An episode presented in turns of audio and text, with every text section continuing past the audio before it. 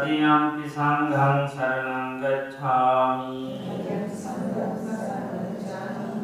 සරනාගමනං සම්පන්නං පානාතිපාතාවේද මනී සික්හාපදන් සමාධයාමි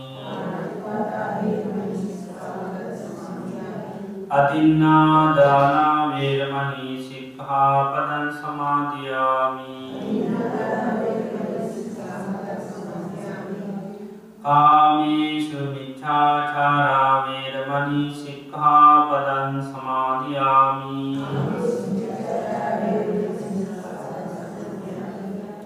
මුසාවාදාවේරමනී සික්හාපදන් සමාධයාමි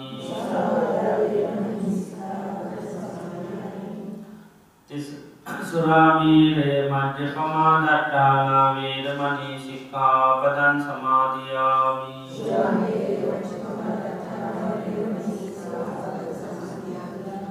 තිසරණී සද්ධිම් පංචසීලන් ධම්මන් සාධකන් සුරක්ෂිතන් කත්වා අපමාදීන සම්පාදී තබ්බං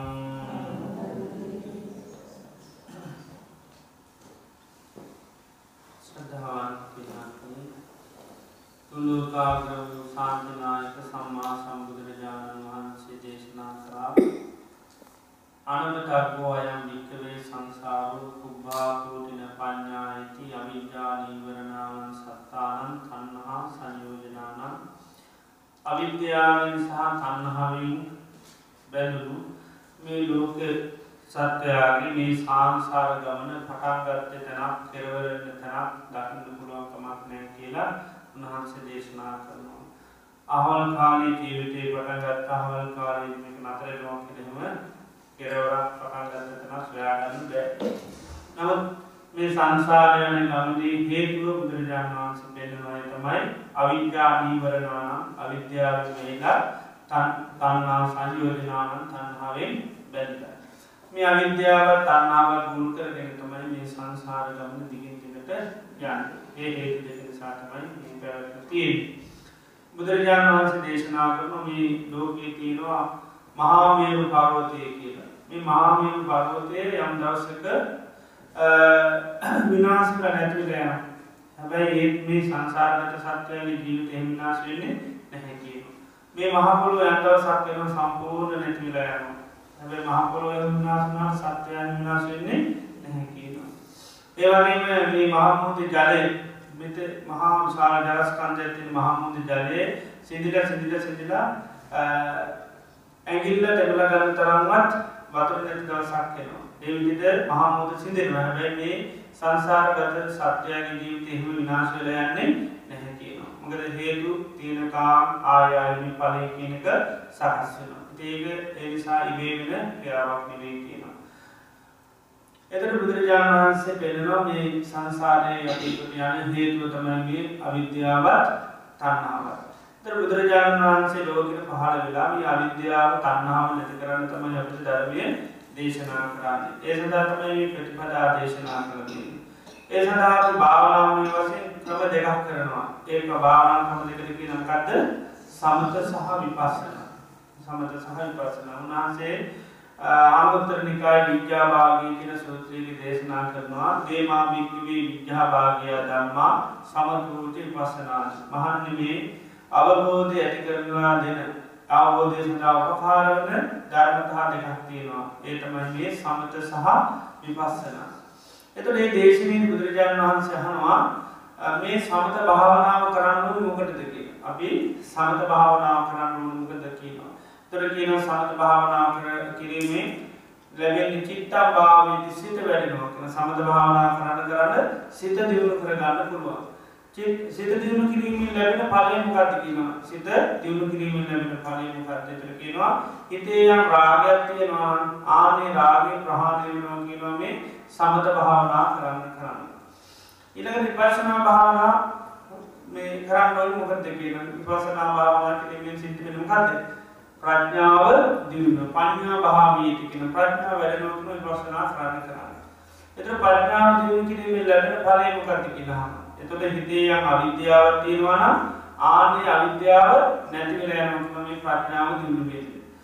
එතර බුදුරජාණන් වන්සක මේ රාගෙන් සිත කිරිටුනොත් ඒ නිදහස් වෙන්න බැහැ. අවිද්‍යාවෙන් හිත වැහුණොත් ඒ නිදහස් වෙන්න බෑ. එනිසා රාග විරාග රාග දුරු කිරීමෙන් තමයි චේතෝ විමුක්තිය කියනක ලබන්න. අවිද්‍යා විරාග විද්‍යාව දුරු කිරීමෙන් තමයි පඤ්ඤා විමුක්තිය කියනක ලබන්න. අහල ඇති සීලු රාතන් වහන්සේලා හඳුන්වා දෙනකොට කියනවා චේතෝ විමුක්තිංච පඤ්ඤා විමුක්තිංච සයන් අභිඤ්ඤා සත්‍චිකත්ව උපසම්පජ්ජ හේතු. චේතෝ විමුක්තිය ප්‍රඥා විමුක්තිය මේ ජීවිතේම අවබෝධ කරගෙන වාසය කරනවා කියන තමන්ගේ ප්‍රඥාවයි. එත රහත්වනකට මේ චේතුවමුත්ති සහ පඥාමුත්ති කියන දෙක ලැබෙන. එත මේ චේතුවමුත්තිය ප්‍රඥාමුත්තිය ලැබෙන මොකෙන්ද සමද සහ විපස්සනාව. එතට සංසාරය යන හේතු දෙක තමයි අවිද්‍යාවත් තන්නවත් ඒ තන්නාව නැතිවෙන් තමයි චේතුව මුත්තිය කියන්නේ අවිද්‍යාව නැතිවෙන් තමයි පඥාමුත්ති කියන්නේ. එතන මේ රාගය ප්‍රහාණය කරන තණ්හා ප්‍රහාණය කරන ප්‍රධාන උපයෝග කරගන්න භාවනාව මොකද්ද? සමත භාවනාව. ඊළඟට මේ අවිද්‍යාව කෙනෙක් නැති කරන්න ප්‍රයෝග කරගන්න භාවනාවකද විපස්සනා භාවනාව. එතර මේ සමති පර්ශනා දෙකින් ඒ කාර්යභාරය තමයි සිද්ධ කරන්න. එතර මේ සමත භාවනාව කියනක බුදුරජාණන් වහන්සේ නම්කත් මේ සමත කියන්නේ. යාචිතස්ස ඒකාගතා අයන්තත්ත සමාධී. සිතේ එකක භාවයට තමයි මේ සමාධි භාවනා කරලව කියන්නේ. එතර අපි මේ සමාධි භාවනා කිරීමෙන් කරන්නේ අපේ සිත මොකද කරන්නේ? එකක කරගන්න. ද අපේ සිත එකඟ නෑ කුසල් අරමුණුවන් එකඟ නැති මොකෙටද කුසල අරමුණුවන් හිත එකඟයි අකුසලයේ. අකුසල් අපිට ඕන තරම් හිතන්න පුළුවන් වෙයිද පුළුවන්. දැන් අකුසල් හිතනකොට හිත පිට යනවද? ප්‍රශ්නේ මේකට හිතනකොට හිත පිට යනවද? ඒ ඒ හිතන ප්‍රශ්නේ හිතන්න දෙන්නේ නැතුව වෙන වෙන සිතුවිලි එනවද එහෙම නෑ නේද අපි හිතන දේ අපිට ඕන තරම් හිතන්න පුළුවන් හිතන්න පුළුවන් හිත ඒකට බැස ගන්න ගතියක් තියෙනවා ඒ හිතේකට කිදා පහන ගතියක් තියෙනවා. සමහර වෙලාවට අපි ප්‍රශ්නේ කරනකොට අපිට කවුරුත් ළඟට ඉන්නවා දන්නේ නැහැ. ඒ අවස්ථාවල් වෙනවා. ඒ මොකද හිතේ අරමුණට එකගයි. හිතේ අරමුණට එකගයි. එතන හැබැයි කුසල අරමුණට එහෙම එකක නැහැ. එතන මේ කුසල අරමුණට සිත එකග කර ගැනීම තමයි සමත භාවනා කියලා කියන්නේ. එතන දැන් හිත කැමති මොකේද? ඔව් අකුසලයට කැමති. ඒ නිසා ඒක කැමති නිසා මොකද ඒවත් ඕන තරම් හිත තියාගෙන ඉන්න පුළුවන්. හිත ඕන තරම් තියාගෙන පුළුවන් ආන්නේ කැමැත්ත කඩනෝනේ සමත භාවනා තුළ අර මේ දේවල් හිතේ තියෙන තියෙන කැමැත්ත මොකද වෙන්නේ සමත කරනකොට කැඩෙනවා ඒක ඒක මේ රාගය ප්‍රහාණය වෙනවා කියන්නේ සමත කරනකොට ඒක අර මේ දේවල් වලට තියෙන ආසාව අයින් කරලා සිත එක දෙයකට ඇලුම් කරනවා ආනික ඒක දෙයකට ඒක අපි ගත්ත භාවනා ආරම්භයටම හිත පිටුවාගෙන ඉන්න. එතකොට ඒකම තියාගෙන ඉන්න පුළුවන් ඕනිතර. ඒක තමයි සමත භාවනාවෙන් වෙන්නේ. එතකොට සමත භාවනා කරනකොට අපි හොඳට තේරුම් ගන්න ඕනේ සමත භාවනා කරන්න මේ නොයෙක් නොයෙක් කර්ම වලට යන දුවන හිත එක අරමුණකට ගැනීම. එච්චරයි සමත භාවනාවෙන් කරන්නේ. සිත එකඟ කරගන්න. ඒක එකඟ කරගන්නේ අපි ගන්න කුසල් අරමුණට. ඒක මොනවා හරි කමටහනක් වෙන්න පුළුවන්. ආනාපාන සතිය වෙන්න පුළුවන්, මෛත්‍රී වෙන්න පුළුවන්. ඒ වගේ අස භාවනාවක් වෙන්න පුළුවන්, අට්ඨික සංඥා වෙන්න පුළුවන්. ඒ වගේ මොනවා හරි භාවනා මනස්කාරයක් ගන්න. ඕකටම තමයි ඊට පස්සේ හිත ගන්න. ඕකට පුළුවන් තරම් හිත පිහිටුවාලීම තමයි කරන්නේ. හිත හැබැයි මේ පිහිටුවට පිහිටන්නේ නැහැ. මෙතන එක කරන්න හදන එකක වෙන්නේ නැහැ. එක ගාල අකුසලෙට ඒකට තමයි දුවල්ල යන්න පුළුවන්. ආන්න එතකොට යන්න යන්න යන්න ආය ආය අපි මේ අරමුණටම ගන්න. යම් වෙලාවකද මේ හිතේ මේ අරමුණේම පිහිටන වෙලාවක් නේද තමයි සමාධි කියලා කියන්නේ. සිත එකයි නොයේ කර්ම කරා යන්නේ අපි පිහිටු කර්මුණීම සිත එකට වෙලා තියෙන්නේ. විරුද්ධ නැහැ. ඒක. දැන් අපි ලංකාවේ ගන්න සමත මණ්ඩල කියලා තියෙනවා. ඒ සමත මණ්ඩලෙ මොකද කරන්නේ? ඔව් අර ඔව් නොයේ අදහස් එක අදහසකට ගන්න. කතා කරලා කතා කරලා දෙක මතයකට ගන්න එක අදහසකට ගන්න. විසිරිච්ච අදහස් කරලා ඒකට කියනවා සමතමානක කියලා. විරුද්ධව තිබුණු මතවාද එක්තැන කරගන්න. ආනේ වගේ දැන් හිතෙත් එහෙමයි සමත කියලා කියන්නේ ඒකයි. මේ නොයේ කර්ම කරා විසිරිච්ච හිත ඒක ආරම්භකට අනේක කරගන්න. ඒක තමයි සමත භාවනා කරන්නේ. එතකොට සමත භාවනාව කරනකොට දියුණු හැටියට දකින්න ඕනේ තමන් ගත්ත භාවනා අරමුණේ කොච්චර සිහි පවත්වාගෙන ඉන්න පුළුවන් ඒක තමයි දියුණු හැටියට මුලින්ම දකින්න ඕනේ. ඊට වැඩිය වෙන දියුණු බලාපොරොත්තු වෙන දැන් සමත කරනකොට නුයේ දේවල් දකින්න රූප දකින්න ඒවා බලාපොරොත්තු වෙන කාර්යයට සමත වෙන්නේ නැහැ. එයි මොනවා එක එක දේවල් දැන් බල බල ඉන්න එක තමයි ආය කරලා තියෙන්නේ. ඒතර තවත් අරමුණු වලට කැමති වීමක් වෙලා තියෙන්නේ.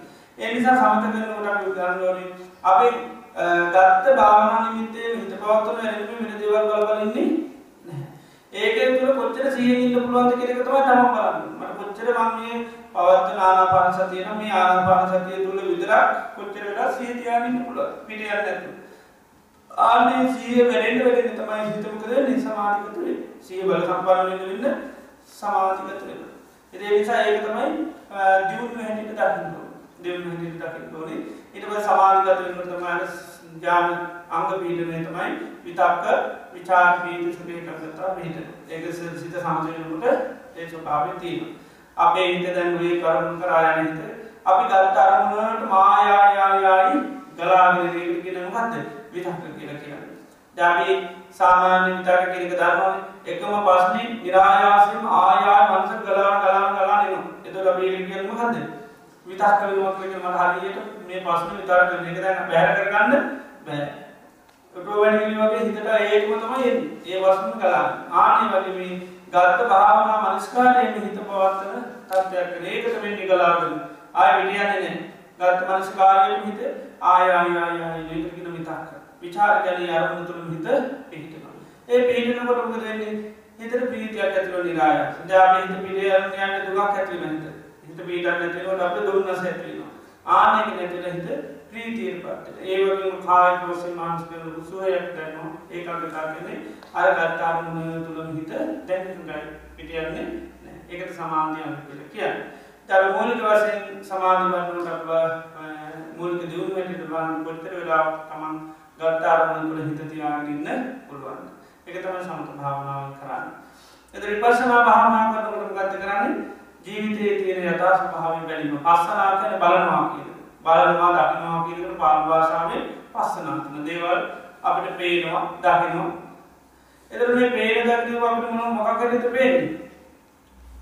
නිත්‍ය හැටියට පේනවා, සැප හැටියට පේනවා, ආත්ම හැටියට මගේ දේවල් හැටියට පේනවා. ඔක තමයි අපිට පේන්නේ හැමදේම ওই විදිහට පේනවා. ඔය පේන දේවල් ලෝකයේ තියෙන යථා ස්වභාවය නෙමෙයි. අපි නිත්‍යයි කියන දේවල් පෙවුනට පේන දේ නිත්‍යයි කියලා දැක්කට හැබැයි නිත්‍ය දේවල් ලෝකේ නැහැ. ඔක්කොම වෙනස් වෙන දේවල් තියෙනවා. අපිට මේ සැප ලැබෙනකොට සැප නෙලෙන්නේ මොකද්ද? දුක. ඒවා අපිට අයිති වගේ පේන හැම අයිතිය නෑ. ඒවා හේතු වට ගැනීම හට ගන්න හේතු නැති වෙච්ච එකම නැති නයි අයිතියක් අපිට පාලනය කරන්න බෑ. එතකොට අපිට සාමාන්‍ය පේන්නේ විදිහට සංසාර දිහා සසර පුරා බල බලාන ආපේ විදිහ තමයි වෙන්නේ. ඔය විදිහට දැන් පේන හැමදේම.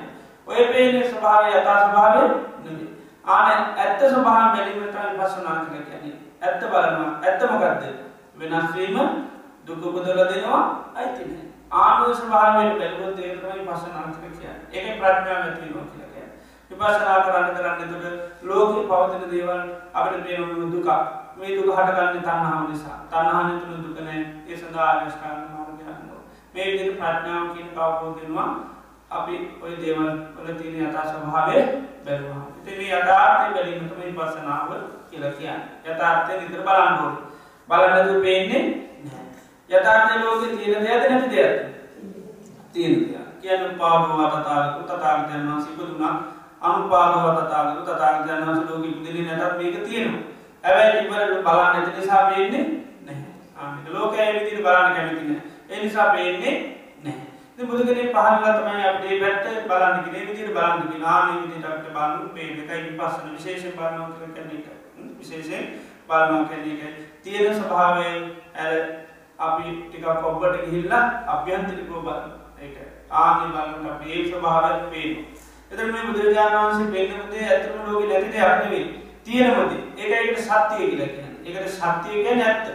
ධර්මය බලනද ඇත්තට තියෙන එක නොදී ඒකට ලෝකයේ අපි දන්න අතීතයේ කිසිවත් දැත්තිවා අතීතයේ මිනිසුවත් තින්නවා අතීතය අපේ රූපියත් ඇත්තිවා නැඔක්කොම වෙනස් වෙන ඒ එතට මේ වෙනස්වීම කිරික ලෝකෙ තියෙන දෙයක් අපි වෙනස්වෙන් නෑකිට අපේ මතේ එක බොරුව ඒක එක රසක්තිය කියලක එක සත්‍යයක් නොගේ එතන මිනිම යථාර්ථය බැලීම තමයි පසනා භාවනාවෙන් කරන්න.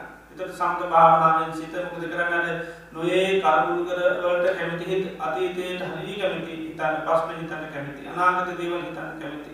ආන්නේ කැමැත්ත කරනවා සිත එක අරමුණ ගන්නවා සමත භාවනාව. එතට එතේදී නර දැඩි ආසාමකද වෙන්නේ? කැරෙන දේවල් හිත හිතින් ර කැමැත් අත්ම කැමැත්ත කැරෙනවා. ආනේ කැමති කැරල කැමැ හිත එක අරමුණට එනවා. ඊට පස් විවසනාවතම යන්න මේ ප්‍රඥාව කියනක අවබෝධ නිතරික එක තොට මේකයි මේ අවිද්‍යාවත් තන්නාවත් ආන දෙකම නැතිවන මේ සමති පර්ශනාව තර මේ රහත්තයකොට මේ සමති පර්ශනා පරිපූර්ණ එකයි චේතු මුත්‍යය ප්‍රඥා මුත්‍ය රහතන් වහන්සේලා ලබන ඒ චේතු මුත්තිය ලබන්නේ සමත භාවනාව දුන්න කිරීමෙන් ඉළඟට පඥා මුත්තිය ලබන්නේ බෝල් ප්‍රශ්නා භාවනා කිරීම. එතර මෙ මේ සමත විපසනා භාවනා දෙකම කරන්න ඕනි කොහේද? අපේ හිත තුළ තමයි මේ දියුණු කරන්න. මේ සමතයක් ඇති කරගන්න හිත තුළ විපස්සනාවත් හිත තුළ. එතර අපි භාවනා කරන්න යනකොට දැන් මේ හිත තුළ තමයි මේ සමතය කරගන්න යන්නේ. විපස්සනාව ඇති කර. එතර මේ හිත මොකක්ද කියලා මේ අහුව ගන්න. දැන් සාමාන්‍ය හිත කාගේද? මගේ හිත කියලා අපිට හිතෙන්නේ. නේද අපි සාමාන්‍ය හඳුනාගෙන තියෙන්නේ මේ විදිහට. දැ භාවනා කරනට මේ පොඩ්ඩක් අපි දකින්නට මේ හිතම හද හේතු පලටහම අපිට අයිති එක නෙවේ අපට අයිති දේවල් අපි ඉක්මනින් කරගන්නවද නැද්ද කරගන්න අපිට අයිති දේවල් අපි ඉක්මනින් කරගන්න හැබැයි හිත අයිති නැතිට එම ඉක්මනින් කරන්න දැ භාවනා කරනට ජීවිත අනිත්ක කරගත්ත ඉක්මනින් මේක කරගන්න ඒ අනිත්තිකවී අවශ්‍යතාවත ඉක්මනින් කරගත් හැබැයි ඒක භාවනාව කෙනෙ ලේසින් කරන්න මේ මොකද මේක අයිති දැති දෙයක්. අයිති නැති මේක හේතු පරදාම හේතු සකස් කරන්න ඕන. හේතු සකස් කිරීම තුළ හේතුව දියුණුවෙන් දියුණුවෙන් පලය ලැබෙන වැරට මේක අපේ අයිතිකට කරගන්න දෙයක් නෙවේ ඉතිේ නිසා භාවනා කරපු හිතේ සමා හඳුන ගන්නවන හිත කියන අයිති නැති ධර්මතාව. මේක මගේ නොවේ විඤ්ඥානම් බිකි වනත්තා කෙනෙක විඤ්ඥානකෙන අනා මයිතිනෑ හිත අයිති නැති දෙයක්. ඒ නිසා මේක අයිතිනතිදේ හැටියට හඳුනාගරම කරන්න නැත්තා හිත දුවන මොකාද වෙන්නේ? හිත දුවන මගේ හිත දුවනවා කියලා හිත. එතට දුක හිතනවාද නැද දුකේතන මගේදේ මට ඕනි දිට කරගන්න බැරිලුන් හරි දුකයි. දොමනසක් වැඩෙනවා. ආන එතුර එම අනි පැති පස්සයනවා මගේ දී කරගන්න බැරිවුණ මට බාරයෝති පස්සු මතක් වෙනවා ඉති ඒවනි හරමද මට මේක කරගන්න බෑ කියලා හිත එතේ නිසා පසුතම මීට පස්සේ නීවරණයක් ඇතිට වැඩ එනිසා මේ භාවනා කරනුට සාමාන්‍යෙන් අපි දැනගන්න මේක අපිට අයිති නැති ජයකනාත්ම ගන්න. ඒවගේ හිතේ තියෙන ගතිලක්ෂණ හොඳ හඳුන ගන්නවා හිතේ තියෙන ගතිලක්ෂණ හඳුන ගන්නවා මේ කරන්න යන්නේ හදන්න යන්නේ කාවද කියලා දැනගන්නවා. ඒ හඳුනගත්ත හමුද පහසු. සාමාන්‍ය ජීවිතෙත් යමක් කරනකොට අපි හඳුන හරියට බලන්න හොයනවනේ. හැමදේම හොයලා හොයලා හොයලා තමයි කරන්නේ. ඒක තමයි පහසු කරගන්න. ඉතින් බාස් කෙනෙකුට වැඩ බලන බාස් කවුද කියලා එයා නේද? ඇගේ වැඩේ විතර න්යාය චරිතෙත් හොයනවා. නේද? භාරතෙන් දේශයට. ඒ වගේ භාවනා කරනකොට තේම මේක හොඳ අධ්‍යයනය කරන්න හිත හිත කියන්නේ මොකක්ද කියලා. ඉතින් ඒ අවබෝධය කරගන්නකොට හරි පහසුයි. හිතේ තියෙන ස්වභාවය බුදුරජාණන් වහන්සේ දේශනා කරනවා පන්දනං චපලං චිත්ත මේ හිත කියන්නේ මොකද්ද? හෙල්ලෙන එකක් කියනවා. දැන් හෙල්ලෙන එකක් තමයි අල්ලන්න යන්නේ. ඒක දැක්ක තියන්න යන්නේ මොකද්ද මේ? හෙල්ලෙන එක. හෙල්ලෙන එක කියලා එකපාරට තියන්න පුළුවන්ද? බෑ. හෙල්ලීම ටික ටික අඩු කරලා කරලා තමයි තියන්න ඕනේ. දැන් පිටන්න යන්නේ හොල්ලන හෙල්ලෙන එක. ඒක හිම දේශේ පන්දනම් කෙනෙක සැලන එකක් මේහිත. චපලයි මේහිත ඕ චපල එක එක පැත්තකින් හෙල්ලෙන අනි පැත්තේ චපලයි චපලයක ස්තීරත්වයක් ස්තිර අදහසක්නය සමහරු ඉන්න කිසිම අදහසක් නෑ ස්තීර එතුට අපිගෙන හරි චාපල යකෝ මට මටනම් ඇත්තෙක් වැඩ කරන්න බැමුද මගති දාලය එතු අමාරුවටම කරනගෙන අමාරුවම ගමනක් කැටික ගතුලෝකති යා ගමනකට යාක වැඩ එතුර අපි කියන්නේ යට කවුද? චපලායි ස්තීරත්වයක් නෑ. ලෝක ස්තීරම ඇතික චපලමගෙන කවුද? වැඩිපුරම හිත. හිත තරම් චපලකෙන් තවත් ලෝකේ නැහැ ඒ නිසා තමයි දැන් අපි මේ භාවනා කරන්න එනවා. භාවනා කරන්නවට හිතට එහෙම අදහසක් තියෙනවද? නෑ. විනාඩි දෙක තුනක් කරනකොට මොකද වෙන්නේ? අදහස් වෙනස් කරලා පැදුරට අඩු කියනවා. ඒක කියලා යනවා ගේත් කමන්නේ නොකියම යනවා. ඒ තරම් විශ්වාසයක් නෑ. අන්න ඒක චපලයි ඒ තරම්. කොච්චර උපදෙස් දීලා මොන මේ දේවල් කියලා මේව කරත් එහෙම මේකක් නෑ. ඒ මොහොතේ ඉක්මනින් ඉක්මනින් ඉක්මනින් අදහස් වෙනස් කරලා ඒ මොහොතේ දකින දකින එකනත් එක්ක යනවා.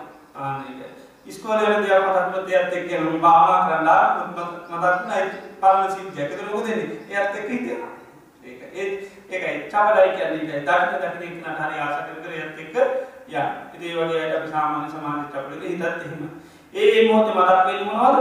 ඔය මතක් වෙන අරමුණත් එක්ක යන්න. ස්ථිරත්වය නැද මේ භාවනා කරන්න මෙහම දසක් හිතරන චපල ඉති ඒ අවබෝධ කරගන්න හිතේ තියෙන ගති ලක්ෂණ. ඒ එක හිතක නෙවේ මුළු ලෝකේ යම්තාක් තියෙනවන හිත හැම හිතකම තියෙන ගතිය ඔය ගති අඩු කරගන්න කරගන්න පුළුව හැබැයි සාමාන්‍ය ස්වභාවය ඔබ තමයි. සාමාන්‍ය ස්වභාවයක චපලයි ඉතින් චපල කෙනෙක් එක වැඩ කරනකොට අපි බොහොම පරිස්සමෙන් නේද? එයාට දැරි විශ්වාසයත් එයානම් කරන්නේ එයා යාපීම අපි වැඩේ කර ගන්නවා ධර්මය ඉක්මනින්ම වෙනස් වෙන්න පුළුවන්. ඒ නිසා මේ ආනි වගේ හිතත් එම වාම කරන චපල එක පන්දනං චපලං චිත්තං. ඒ වගේම දුරකම් දුනිවාරය වළක්වන්න පුළුවන් එකක් නෙවෙයි. ලකින්න පුළුවන් එකක් නෙවෙයි. කොච්චර අකින්න දොර මෙයා ඉන්නේ නැහැ. පැනපැන ඒක හිතේ තියෙන ස්වභාවය. ඊළඟට හිත කියන්නේ වාරිකෝ තලෙක්මේ පොඩට දැම්ම මාළුවෙක් වගේ කියනවා. මාළුව අතරේ නුට කිසි ප්‍රශ්නයක් තියෙනවද? නෑ ඌ පීන පීන යනවා. ඒ වගේ මේ හිතත් එහෙමයි. මාරදීය කියලා කියන කාමයේ සම්බන්ධ පංචකාම විශේෂ දැම්මත් මේ හිත ලස්සනට ඉන්නවා. මේක ගොඩ ගන්න ඇල්ලුවොත් මොකද වෙන්නේ? ආන ගොඩ දැම්ම මාළුවෙක් වගේ දාලා නොඉඳ කැමතිම නේ ආයෙම යන්න යන්න කොහෙටද වතුරට. ඒ වගේ තමයි අර බාහිර අරමුණු වලට යන්න මේ හිතේ තියෙන ස්වභාවය. වාරිගෝ තලයේ කිතෝ පරිපන්ත චිත්ත මාර්ගයන් පහතේ දුන්නින් ගස්ස ලාව ඔය වගේ හිතේ තියෙන තවගතියක් තමයි මේක ලේසියෙන් විග්‍රහ කරන්න පුළුවන් එකක් නෙමෙයි. බැන්න කියුවට කිසි ගාණක් නැහැ. ඒක සතෙකුට බැන්න තුනක් පොඩ්ඩක් හරි කරකිනවා. හැබැයි හිතට බැන්න එක එහෙම කරගෙන ඉන්නේ නැහැ. ඒක ලෝකෙ දින හොඳම බැන්නු කියලා මේ දුවන්නේ පාඩිවත් නතර වෙන්නේ. නෑ. එහෙම විග්‍රහ කරලා කියලා කලකිරෙන්නේ. හොඳටම ජරාදිනම් බයිනවා. බැන්නයි කියලා එහෙම බාහනා වෙන්නේ නැහැ.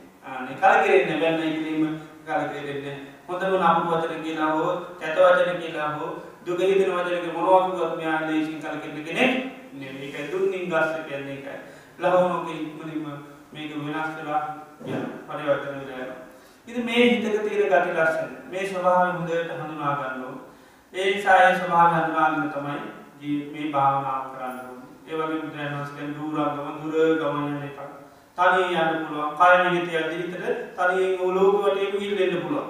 ඉතින් ඒ වගේ පුදුම හැකියාවක් තියෙන. ඉතින් ඔය හැකියාව පාවිච්චි කරන හිත හරියට. කය කියලා මොකද වෙන්නේ? හිත යනවා හැමතැන. ආන්නේ ඉතින් හිතක තියෙන ගති. ඉතින් ඒව හඳුනාගෙන තමයි අපි මේ භාවනාව කරන්න ඕනේ. එතකොට මේ හිත මේ ලක්ෂණ ගත්තාම හිත කියන්නේ හරි දුර්වල එකක්. දුර්වල එකක්. මේ හිත භාවනාවට ගැනීම හරියට කුළු හරකෙක් හදනවා වගේ කියලා කියන්නේ. වල් වෙච්චි හරකෙක් හදනවා. දැන් කැලේ හැමදාම ජීවත් වෙච්චිකේ හරකෙක් ගමට ගේනවා. ගමට ගෙනාවට පස්සේ ඌට නිදැල්ලේ නිදහස තනියෙන් ජීවත් වෙන්න පුළුවන්ද? නිදහස ජීවත් කරවන්න පුළුවන්ද? බෑ. ඒතර කවුද ඉන්නේ? ගොපල්ලෙක් ඉන්නවා නේද? හරකා පාලනය කරන ගොපල්ලෙක් ඉන්නවා. ගොපල්ල තමයි ඊට පස්සේ ආසර හරකා හසුරවන්නේ. දැන් හරකාගේ හයිය තියෙනවා, ජවයේ තියෙනවා වැඩ කරව ගන්න පුළුවන්. හැබැයි වැඩ කරව ගන්න පුළුවන් වුණාට හරක කවුද? මොකුත් තේරෙන්නේ නැහැ. හරකට තියෙන කැලේකට දැනුම් දෙකයි. එකක් කපුල් තියෙන මොකද කරන්නේ? ඇවිදින්න මොකද හැම යතම ඇවිදිනවා. එයාට ඔය අරේ යන්න මේ යන්න එකක් නැහැ. කකුල් දෙහැරන පැත්ත උරු තැනක යනවා. අනිත් එක දැනුම මොකද්ද? තාම නිපාඩ තියෙන ඔක්කොම කන්න. තනකොළද හොයන්ද කේල් පෙරද උපල් පෙරද කියලා එහෙම එකක් නැහැ. නිල් පාට බල පාට තියෙන හැමදේම කන්න ඕනේ කියන ඥානයක් තමයි තියෙන්නේ. ඉති දකිට දකිට දේ මොකද කරන්න? කන්න. ඔය දැනුම් දෙක තින් ඉතු දෙක ඇරන් තමයි ගමට කියල හැබැයි ගමටාවට පස්සේ කවුතින ඉදම ඉන්න බෑ. එනි සාමත කරන්නේ? එයා පාලනය කරන්න ඊළඟට එයාගේ තින දැනුමත් එක කණඩ දුන්නොත්තේම එහම කරන්නත් ඉතිනි සාමත කරන්නේ? සෑය ජීවත්තෙන බෑමයාට ගමි. ඒ සාමයාට කවදින්නේ ආර්ශකයකින්න එයාට කැන කවද? ගොපල්. ති ගොපාල තමයි මෙයාව හසුරුව දැන් ගවනක් යන ගුත්මු තනීයවන්න බෑ. ඒ සාමකත කරන්නේ? ගොපල්ල පිටි පස්සයන්න ද නීරේ වර යන්න කන සමල්ලා නීර යනකට දෙපැතිමුණක් තියෙන්නේ? ගොයන්ති ඉතින් දැ කරක නීර යනකොට මොකද වෙන්නේ? ඕ ඕ නීර යනක නතර කරන පත කරන්නේ? ගොයන්තා හැබැයි ගොපල්ල දාන්න ගොයන් කන්න හොඳ නේ. ඒක ගොපල්ල මොකද කරන්නේ කෙවිටේ ගහලා උඹට ගහන කෙවිටේ එක. ඊට පස්සේ ඔන්න ගොයන් කෑම නතර කරලා ආයම පියුරත් එක ගියාම මතක් වෙනවද? ආය අමතක ආයෙ ඉපාර ගොයන් එක ගම කන්න හිතෙනවා. ආයෙ මොකද ගොපල්ල කරන්නේ? ආයෙත් ගහනවා. ආය පියවර දෙක තුනක් යනකොට ආයෙත් මොකද වෙන්නේ? ආයෙත් අමතකයි මෙයාට ආයෙත් අරක දෙක ගම කන්න හිතෙනවා. ඉතින් ආයෙත් මොකද වෙන්නේ?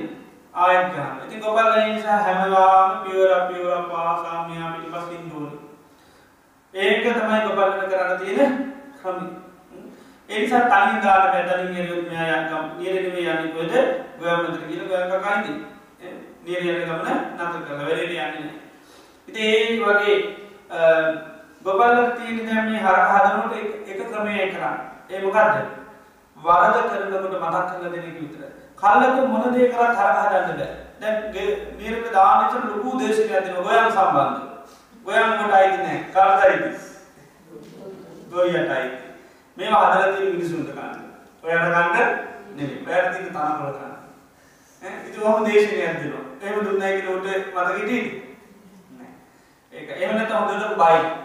හොඳට බාල මන් දැන් කී දවසක් උඹට ගැහුවද අදවත් ඵලයන්කෝ මට කරදර කරන්න නැතුව නියම දැන් එහෙම කිව්වයි කියලා වැඩේද නෑ අඬනවා නැත්තා දැන් මාස ගානක් දැන් ඇරයි යනවා හැමදාම එකම වරක් තමයි කරන්නේ දැන් අඬන ඇඬුවේ කියලා අනේ අඬන්න පාද මං හරියට යන්න කියලා එයිද ඒ යන්නේ නෑ මම කියනවා අනේ මගේ මොන කර්මයක් දැන්නේ මේ වගේ හරකෙක් කියලා ඈ උඹට ගානවා ගානවා ගානවා හැමදාම ඒ තනින් යන්නේ දැන් ගැසිමිනේ කිව්වා කියලා වෙදේද ඒ හැදෙන්නේ ගොබලට කරන්න තියෙන එකම දෙයයි මොකද්ද? වරද දුටු තැන මතක් කරලා දෙන්න ඕනේ. සිහිය උපදවලා දෙන්න ඕනේ. ගෝයන් කියන්නේ කන්න හොඳ එකක් නෙවෙයි. නීරේ පමණයි ළඟ තියෙන තාරවල කන්න හැබැයි ගෝයන් නම් කන්න තහන. ඉතින් ඒ නිසා ගොබල මොකද කරන්නේ? පියවර පියවර පාසා කල්පනාවෙන් ඉඳලා වරද කරනකොට සිහි කරලා. මෙච්චර. ඒ දෙයක් කරන්න යන්නේ නැහැ. මොකද එච්චර එයා හදන්න ක්‍රමයේදී ඒකම තමයි ගොබල් හදන්නේ. ඒ වගේ තමයි භාවනා කරනකොටත් මේ හිත සංසාර පුරාවම වල් වැදිලා තියෙන්නේ. දැනුම් දෙකයි තියෙන්නේ. මොකද්ද? ඔව්. හිත තියෙන්නේ මොකද? හිත. ඉතින් ඒ නිසා එනේ හැමදාම හිතනවද නැද්ද? හිතනවා. ඒකෙන් වෙන්නේ මොකද්ද මොකද? කාර්ය. ඉතින් හිත තියෙන්නේ හිතන්නේ කියලා. ඉතින් ඔය හිත හිත හිත හිත ආනේ හිත යනවා. මේ දේවල් හිතන්න දෙනානේ මේ විදිහට සංසාරේ භවය හැදෙනවානේ. දුක හදලා දෙනවානේ. ඒ වගේ දැනුමක් මොකද? නැහැ. මොකද අරමුණක් හැදෙන්නේ අර නිල් පාට හරකට දෙන නිල් පාට ඔක්කොම ගන්න තියෙන්නේ. කන්න. ආන්න ඒක. ඊළඟ කපුව තියෙන්නේ එවිදින්. ඒ වගේ හිත තියෙන්නේ හිතන්න එන අරමුණු මොකද තියෙන්නේ? හිතන්න. ආන්න ඒක. ඒව කොහොමවත් ප්‍රශ්නයක් නෑ. කුසල දකුසල වේදයක් නෑ. එන හැම දෙයක්ම හිතනවා. ඉතින් ඒ දැනුමක් තමයි හිතට තියෙන්නේ. ඉතින් ඒ නිසා දැන් මේ හිත අපි මේ හදනකොට හිතට ස්වයං මේ වැඩේ කරන්න බෑ. මේ ඥාන දෙකේ තියෙන මේ දෙක තමයි ක්‍රියාත්මක කරන්නේ. තනියෙන් භාවනා කරන දුන්නොත් හිත මොකද කරන්නේ? ඔය දෙක ඔස්සේ තමයි යන්නේ. අන්න පරම ගතියටම යන්නේ. ඉතින් ඒ නිසා භාවනා කරනකොට හිතට ආරක්ෂකයෙක් ගන්න. ඒ ආරක්ෂකයා කවුද කියන්නේ? සිහිය. ඒකයි. ඒකයි නිවන් දකින්න ක්‍රම කීයක් තියෙනවද? සතිපට්ඨාන කියන්නේ ඒකායනෝ යම් පිට්ඨේ මග්ගමාන ඒකාය මාර්ගයේ දින වෙන මාර්ග නෑ. මොකද්ද? ආන් චත්තාරෝ සතිපට්ඨාන සිහිය පිටව ගන්න. අරමුණු ප්‍රධාන තුනක් කරන්නේ තමයි කය වේදනා සිත ධම්ම කියලා මේ කොටස් හතර කරලා ඔය හතරේ සිහිය පිටීම හැර වෙනකොට නිවන් දකින්න ක්‍රම නැහැ. එතකොට නිවන් භාවනා කරනකොට අපි මුල් තැන දෙන්නේ මොකේද? සිහිය. සිහිය තමයි ඉදිරියට ගන්න. සිහිය තමයි පිහිටුව පිහිටුව යන්නේ. එතකොට හිතේ අර ගති ලක්ෂණ තියෙනවා. ඉතින් ඒ නිසා මොකද කරන්නේ දැන් භාවනා කරන්න ගියපුවාම මේ භාවන අරුණ නීර වගේ දැව නීර දැන් එරයන්න යනවා එරයන්න දෙපැත්තු කරති අතීතය කියල අරමුණු ටිකක් තියෙනවා අනාගතය කියල අරමුණු තියෙන දැ මේ නීර ගියට යන්න කැමතිමුගේ දහරකා අතීතය අතීතය ඇද හිටි ඒතු අතීතයට යන්න. අතීත අරමුණු තමයි කකායි නිව ගන්න තමයි හිතේ ඉන අනාගත ඉතු දෙකට යාමනිතර ඒක හිතේ තින ගතිය. ඒක වලාකන්න බෑ. හරක තියෙන ගතිය නීරයනය කරේ මොකක්ද ගොයම් තනය හැබැයි ගොපල්ල මොකද කරන්නේ? ගොපල්ලා දන්න මේ හරකට තනීයන බෑලි සමතක් කරද ඒවගේ තමයි භාවනා කරනුට සිහිය කරන්න කද වැරැත්ත කරනුට සිතට සිහි කරල දෙන්න ආනෙක තමයි කරන්න තිරකුමදේ ඒ මොහොත සිහිය ඉදන්න ආ අතීතයට යනකොට සිහිපීටුවගෙන ආයත් ගන්න වර්තමාන නියරටම ගන්න. ආයම් අනාගතයට යන ආයත් මොකද කරන්නේ? සිහිපීටුවාගෙන ඒක සිහි පිටුව ගන්නකෙන් සති පට්ටාන කනක පිටුවා ආයා පිටුමද වැරද කරනවා. කරන කරන හැමෝතමකද කරන්නේ? සිය පිටු පිටුව ඉති කොච්චර වියත් පස්නයක් නද හරකට මේක පලට හරක කොච්චර හොම දම පස්නයක් තිවා එයදම වැඩ දෙයක් කරනවා. හරක හරකම කියා අනුවාරය කරන එක නතර කරන්න ගොපල්ල ගොපල්ලක වැඩේ ඒවගේ බාන කරනට හිත හිතේ වැඩේ කරන හිතම කත කරන්නේ? හිතේ කාර්යවාරයක සිද්ධෙනවා සිහට මොකදතිී වැරද්ද කරනකට ආනාල් සීකර ගන්න ඒක කරනවැන්න වෙන මුහුත්න අපිත් හරකටවගේ මේ කල්ලු බැලල බැල්ල බැල්ලගේ නොදිදිරි මේ සංසාර මහා භයනකයි ගෙනම හිතක සෑහක දෙනවා දේශනය. දීලගෙන නමයි කියල වාම කරේ. ඒවා මතකයි ඒවා අමතකයි ඔක්කෝ එනිසා කල්ලතු දේශනා තුන්න කියල වෙලා නැහැ. අන ලන්නනවද මේ විච්ච කාලම භානක අනි තාම් පැරුණ ගාන් දායකන සවාධිකතුවෙන් දාන ලන්න දෙනවා. එතට අද අනි අදනම් මං සමාධිකත කරන්න හිතෙයිද ඇනුව කියල. ඒ නෙත්නෑ එමනත මැසිලි නක නග නගර මුණ කාරණයට දන්නේ? අනි මට මොකක්ගත් කරුණ පාගයක් වත්ද ඒම ඉතර ඉතර දුක්කිල ඒත්තෙනවා දීද අනේ වැඩ කම්වා ගැන්න මඟින්මන්තු එහෙමනවාද එහෙම නෙත්නෑ ඒදී අන මොනතමකට බෑම්ල අදල පිට කම්පාල උගේටුවක්ද ඒවක රැකල හිත හැදෙන්නේ ඉති අපේ ඒ කරපු තරමට හිත හැදෙන්න ඕනි. අපි අන්නත් ඇති තමාරු නේද? දුක්ගලත් ඇති කනගාට ඇති පසුතැවිල ඇති ඕනද ඒ උනයි දේම දේශී හැදෙන්නේ නෑ. එතුර භාවනා කරනටත් කරන්න තිය මොකක්ද අර ගොබල කරන කාරයවන්න. පුළුවන්තරග බල සීලේ නිදගෙන වැරත්තක දුරුමත කරන ඇති භාවනා කරනවා කෙනෙත් එක එක සට පට්ටාන කරන්න කිය පුළුවන්තරන් සී නිදගෙන අනාරමෙන් පැහැරලු ආයගන්න ඉති නිසා හිතේ කාරට ඕඩ කරන්න දුන්නට කවන්න ඒ යාගන්නවා කොමන්න සිහියට තියෙන මොකද්ද? වැරද්ද කරනකොට මතක් කරලා දෙන්න. අන්න ඒක. වැරද්ද කරනකොට මතක් කරලා දෙන්න. කාලයක් කරනකොට තමයි හරකටත් තේරෙනවා මේ ගෝයන් කරනවා කියන්නේ මුටි කරනම වැඩ. ඒ නිසා ගෝයන් කරනවට වැඩිය හොඳයි දියර යන එක කියන කාලයක් කරනකොට තේරෙන්නේ. හරකගේ තියෙන හරක් ගතියේ අනුව තමයි නේද? සමහරවල්ට හරක් ඉක්මනට තේරුම් ගන්න පුළුවන්. සමහර හරක් එහෙම තේරුම් ගන්න කාලයක් ගන්න පුළුවන්. ඉතින් ඒ වගේ තමයි හිතට. නේද?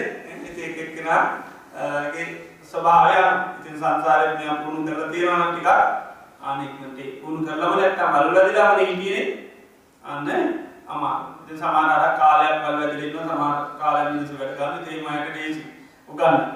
ඒ වගේ තමයි හිත සංසාර සමහර දියුණු කරලා තියෙනවා නම් මොන ටිකක් දේසි නැත්තම් හරි අමාරුයි. හැබැයි ඉතින් කොච්චර අමාරුවක් කරලා තියෙන ඔච්චර තමයි. අන්න ඉතින් මරණකම් හරි ඔක තමයි කරන්න තියෙන්නේ.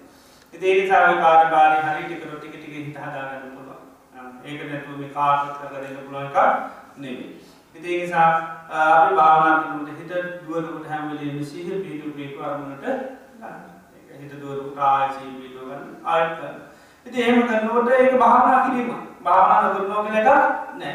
හිත දියුණු වෙන්නේ නැහැ කියලා එකක් නැහැ. මොකද අපේ මේ සිහිය බල සම්පන්න වෙනවා. ඒතර සමාන්ලාට අපේ ගොඩ වාරවලදී හිත පිට යනවා පේනවා. ඒතර ගොඩ වාරවලදී අපි මොකද කරන්නේ? හිත ගන්න. එතට අපි කාරය හරිට කරලති ගොපල්ලත්තේ මෙයාගේ පුළුවන් තරම් කල්පනාවම අලාරකපින්න එතට යා වරදගන්න හැම වෙලි යා හිපත් කර කරගන්න ආනතුකම දෙන ටික ටිකයා හැදෙන ආනේ වගේ තමයි භාවනාකම කරත්තේකයි කොච්චර පිටිගත් එක ගැට්ලෝ කරගන්න? හොඳ රණී මගේ හිත පිට යනවා කියලා හිතන්නේ කවුද? යන්නේ පිට. හරකෙක් වගේ කිදින් තමයි. යන්නේ මේක හිතත් කවුද? හරකෙක්. වයනතු හිතාගන්නේ කවුද? හරකෙක්. මෙයට තේරෙන්නේ ඉති මේකන නැත්තම් මෙච්චර වටනා භාවනාවන්තිකාරය ඇතැරලා මේ අනවාසි දේවල්ලටියයි හරකෙන් නොවින්න. නේද? මෙච්චරත් බලන්නගෙන නේද? මේ හිත පිටිය ලනගෙන හරක්ගති තාම තියෙන ඉති නිසා දැනගන්න මේක මේ හිත කියන්නේ මගේ නොවේ නේ අයකනම් හිම වෙන්න විදිහ නෑ අයකනම් මෙච්චර වටනා ධර්මයක් අත මෙච්චර වටනා භාවනවංශකාරය කර මෙච්චර වටනා කාලයක් බොහොමවාන කාලය ගන්න.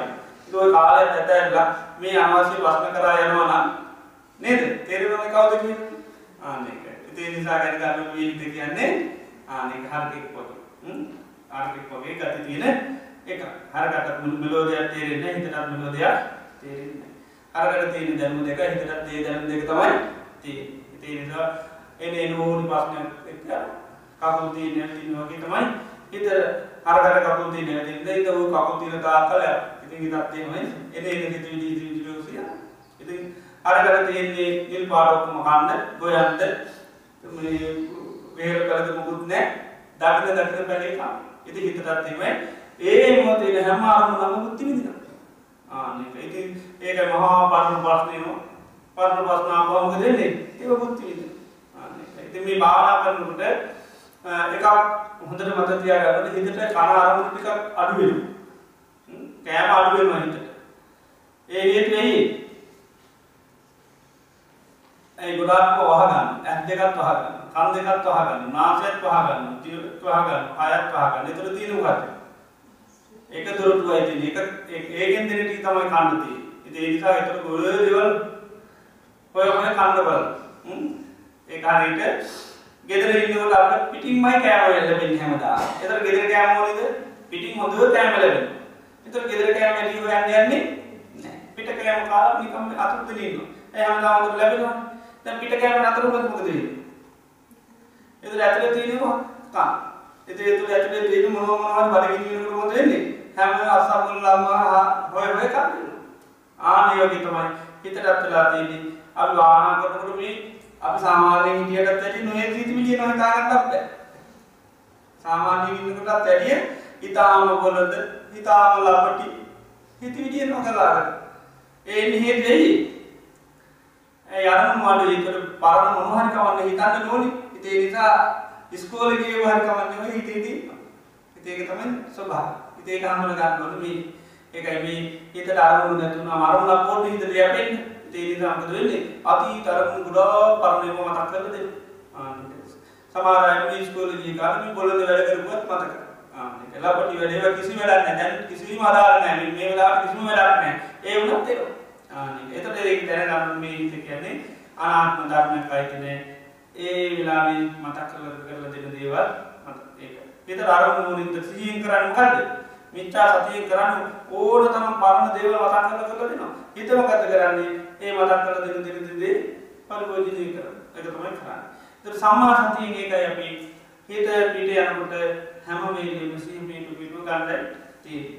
මිච්චා සතියෙන් පරණ දේවල් කො මතක් කරලා එයාට දුන්නොත් එයා කරන්නේ ඉතින් ගොඩාක් අතීතය සිහි කර කර දෙනවා. ඒක මිච්චා සතියෙන් දුන්නොත් ඒක ඒ නිසා අපි මේ භාවනා කරන දෙකයි සිහියට තමයි මුල් දැන දෙන්නේ සිතට නෙවෙයි. සිත මෙහිකාරයෙක් සිත කියන්නේ හරියක් වගේ. ඒ නිසා හිතට ඉඩ දෙන්නේ නැහැ. ඉඩ දෙන්නේ මොකේද? සිහියට. ඒ නිසා හොඳට භාවනා කරනකොට සිහිය පිටුවාගෙන පිට යන හැම මොහොතේම ආයාය මොකද කරන්නේ? තමන් කරන භාවනාවලටම හිත ගන්න. ඒ විදිහට තමයි ටික ටික ටික කර කරගෙන යනවා. කාලයක් යනකොට මේක කරන්න පුළුවන්. හරක කාලයක් ගිර අයන පුටුකද වෙන්න ගගහ ගගහ ගගහ හමදාවනය නමුත් ගොපලයම ක්‍රියාව කාරිවාරක හමදාම කරන්න. ඇැ කාලයක් කරනට යට තේරවාකට ඒ වගේ තම හිතරත් මේ හිට අරුණින් බලක්කන්න වලක්කන්න වලක්කන්නද වෙන්නේ? මේ වර්තමානරන්න ආනේ එතර වර්තමාන අරමුණේ සිත පීටුවන්න ඕක ටිකටි කවුණු ආස්වාද දැ ආස්වාද දැනකුමකද වෙන්නේ? ආනතන හිතකින් දාපයි. ජාන තමයි හොඳ බුදුරයන් වන්ස කැන ලෝක සැපම තැන. ඕක පොඩ්ඩක් කර ඉව දැරුණොත් එහෙම ආය යන්න කැමතිම නෑ එතර අතීතයට දුවන්න කැමති නෑ අනාගත යන්න යන්න ඒවල් මුදිනකන් ඒ නිසා මේ වර්තමාන මොහොත තරම් තවස් සැපවත් එකක් නැතිව එතකොට හිත සම්පූර්ණ මොකද වෙන්නේ?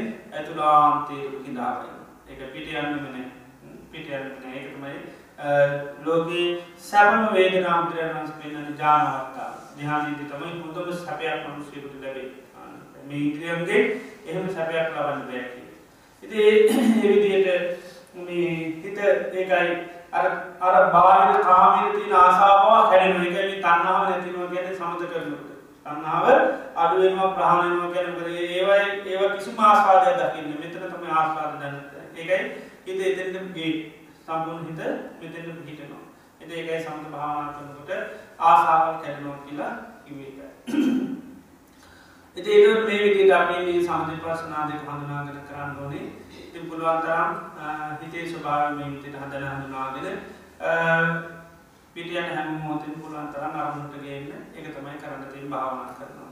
එතකොට අපි සමත වශයෙන් අපි නොයෙක් භාවනා ක්‍රම කරනවා. අපිට අපි කෙටියෙන් මේ මෛත්‍රී භාවනාව ගැන කියලා දෙන්න. මෛත්‍රී භාවනාව කියන්නේ සබ්බාතික කර්මස්ථානෙ. සබ්බාතික කියන්නේ ඕනම තැනක කරන්න පුළුවන්. හැම තැනම කරන්න පුළුවන්. යන්නේ ගමන් වැඩ කරන ගමන් හැම මොහොතෙම කරන්න පුළුවන්. සතිපට්ඨාන සූත්‍රයේ දේශනා කරන එක නේද? කොහොමද බුදුරජාණන් කියන්නේ? තිත්තං චරම් දිසින්නෝවා සයානෝවා යාවතස්සින්න ඉඳගෙන හිටගෙන ඉන්න හැම මොහොතේම මෙන්න මේ සතිපට්ඨානෙ වඩන්න පුළුවන් මේ මේ මෛත්‍රී භාවනාව වඩන්න පුළුවන් සතර ඉරියව්ව කරන්න පුළුවන්. මෛත්‍රී කියලා කියන්නේ මොකද්ද? මුළු ලෝකයත් එක්කම මිත්‍රත්වයක් ඇති කරගන්න. මුළු ලෝකයත් එක්කම මිත්‍ර භාවයක් ඇති කරගන්න. අමිත්‍ර නෑ ලෝකේ කවුරුත් හැමෝම මිත්‍රයන් බවට පත් කරගන්නවා මෛත්‍රී භාවනාව කිරීම තුළ. ලෝකයේ මිත්‍රයෝ ඉන්නේ කවුරුත් ගැටෙන පුද්ගලයෝ නැහැ.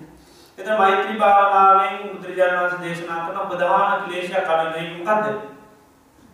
ආ ගැටුම කීරේ. ගැටුම කීරේක නැති වෙලා යනවා. ගැටුම නැති වෙනම මෛත්‍රී කරා කරා. එතකොට ඒ ගැටෙන ගැටෙන ස්වභාවය නැති වෙන්න නම් අපේ හිතට මෛත්‍රී කිරීමත් එක්ක මොකක්ද දෙන්න ඕනේ? යම් අවබෝධයකුත් දෙන්න ඕනේ. එතකොට නොගැටී ඉන්න පුළුවන්. අරමුණුත් එක්ක නොගැටී ඉන්න පුළුවන් අපි යම් අවබෝධයක් ඉන්න ඕනේ. ආනේ මෛත්‍රී භාවනා කරනකොට අවබෝධය ඇති කරගන්න පුළුවන්. නිසි ලෙස අපි මෛත්‍රී භාවනාව හඳුනාගෙන කරමු. මෛත්‍රී කරනකොට අපි බුදුරජාණන් වහන්සේ පෙන්නනවා කන්නිමිත සූත්‍රයේ ගන්න ඕනේ භාවනා වාක්‍යයක් තියෙනවා. මොකද්ද? සබ්බේ සත්තා භවන්තු සුඛිතත්තා සියලු සත්වයෝ සුවපත් වේවා කියලා මෛත්‍රී කරනවා. එතකොට සියලු සත්වයෝ සුවපත් වෙන්න නම් සියලු සත්වයෝ මොකෙද ඉන්න ඕනේ? දුකක වැටලා ඉන්න ඕනේ. සුවපත් වෙන්න නම් දුකක් තියෙන්න ඕනේ. නැත්නම් සුවපත් කරන්න ඕනේ නැහැ. එතකොට මෛත්‍රී කරනකොට අපි හඳුනා ගන්න මොකද්ද මේ ලෝකයේ වැටෙන ඉන්න දුක? වැටෙන ඉන්න දුක හඳුනා ගන්න ඕනේ. බුදුරජාණන් වහන්සේ පෙන්නනවා මේ ලෝකේ මිනිස්සු කායික රෝග නිසා මහා දුක් විඳිනවා. ඊළඟට මානසික රෝග නිසා දුක් විඳිනවා. හැබැයි කායික රෝග නිරෝගී භාව මිනිසුන්ට තියෙනවා කියනවා. ඒ ප්‍රතිඥා කරන්න පුළුවන් මට අවුරුද්දක් ලෙඩ හැදලා නැහැ. මාස දෙක තුනක් ඇතුළත ලෙඩ. එහෙම කියන්න පුළුවන් කියලා නිරෝගීකම් ප්‍රතිඥා කරන්න පුළුවන්. කියන්නේ ඉහිම් පහින රෝගය මේ දවස්වල නම් නැහැ. එහෙම ප්‍රතිඥා කරන්න පුළුවන්. හැබැයි බුදුරජාණන් වහන්සේ දේශනා කරනවා මොහොතක්වත් මානසික නිරෝගී කියලා ප්‍රතිඥා කරන්න බෑ. මට හිතේ නම් ලෙඩක් නැහැ කියලා කියන්න බෑ. හිත හැම වෙලේම ලෙඩ. ආතුර වෙලා ඉන්නේ. ඉතින් ඒ නිසා එහෙම කියන්න පුළුවන් ලෝකේ කාටද? රාතන් වහන්සේලාට කියන රාතන් වහන්සේලාට තමයි ලෝකෙ නිරෝගීයි. රාතන් වහන්සේලා නිරෝගී. ඒත් රාතන් වහන්සේලා තමයි නිරෝගීකම් ප්‍රතිඥා කරන අනිත් ඔක්කොම කවුද ලෝකෙ ඉන්නේ ඒතකොට? ලෙඩ වෙන්නේ. කොට ලෙඩ වෙන්නේ. එදලා මෛත්‍රී කරන දකින්න මේ මුළු ලෝකෙම ඉන්නේ මානසික වශයෙන් ලෙඩ වෙච්ච අය. රාගය, දේශය, මෝහය, මාන, ඊර්ෂ්‍යා, මහංකාරකම් ආදී මහා ලෙඩ මුදක් තියෙන්නේ. ඒ ලෙඩවලින් මේ ලෝකයා නිතරම දුක් විඳින පිරිසක්. එතකොට මේ කෙලෙස් වල තියෙන ධර්මකම දකින්න ඕනේ. දැන් රෝගී ගත්තොත් එහෙම රෝගී පිළිබඳව අපි යම් කිසි ඉවසීමක් මෛත්‍රිය කරුණාවක් තියෙනවද නැද්ද?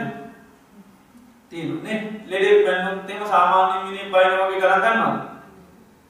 ලෙඩෙක් මොනවද දෙයක් කරොත් සාමාන්‍ය කෙනෙක් කරපුවා වගේ ගණන් ගන්නවද? නෑ. අපි දන්නවා එයා ඇයි දුකටපත් වෙච්ච කෙනෙක්. එයා දුකටපත් වෙච්ච නිසා එයා අපි දන්න වේදනාවෙන් කෑ ගන්න වේදනාවෙන් පයි කියන නිසා එයා දුකකින් හින්දා අපි එයා කිනේම වැඩි ගණන් ගන්නේ නැහැ. දුකටපත් වෙලා ඉන්නේ. ආනේ නිසා ලෙඩෙකුගේ තියෙන රෝගී භාවයේ දරුණුකම දැක්කොත් අපි ගොඩාක් එයා පිළිබඳව සානුකම්පිත වෙනවා. ආනේ වගේ තමයි මෛත්‍රී කරනකොට මේ කෙලෙස් වල තියෙන දරුණුකම දකින්න ඕන. ආනේ තුන තමයි මේ පුජ්‍යලයක් පිළිබඳව මොකද වෙන්නේ? සානුකම්පිත වෙනවා. මොකද මේ කෙලෙස් වල තියෙන දරුණුකම මේ සාමාන්‍ය රෝගයකට වැඩි හරිය දරුණු. අපි ගත්තොත් එහෙම දැන් පිළිකාවක් තියෙනවා කියන්නේ දරුණු පිළිකා රෝගයක් තියෙනවා. පිළිකාව නිසා යා මේ ජීවිත විඳුරවද නැද්ද?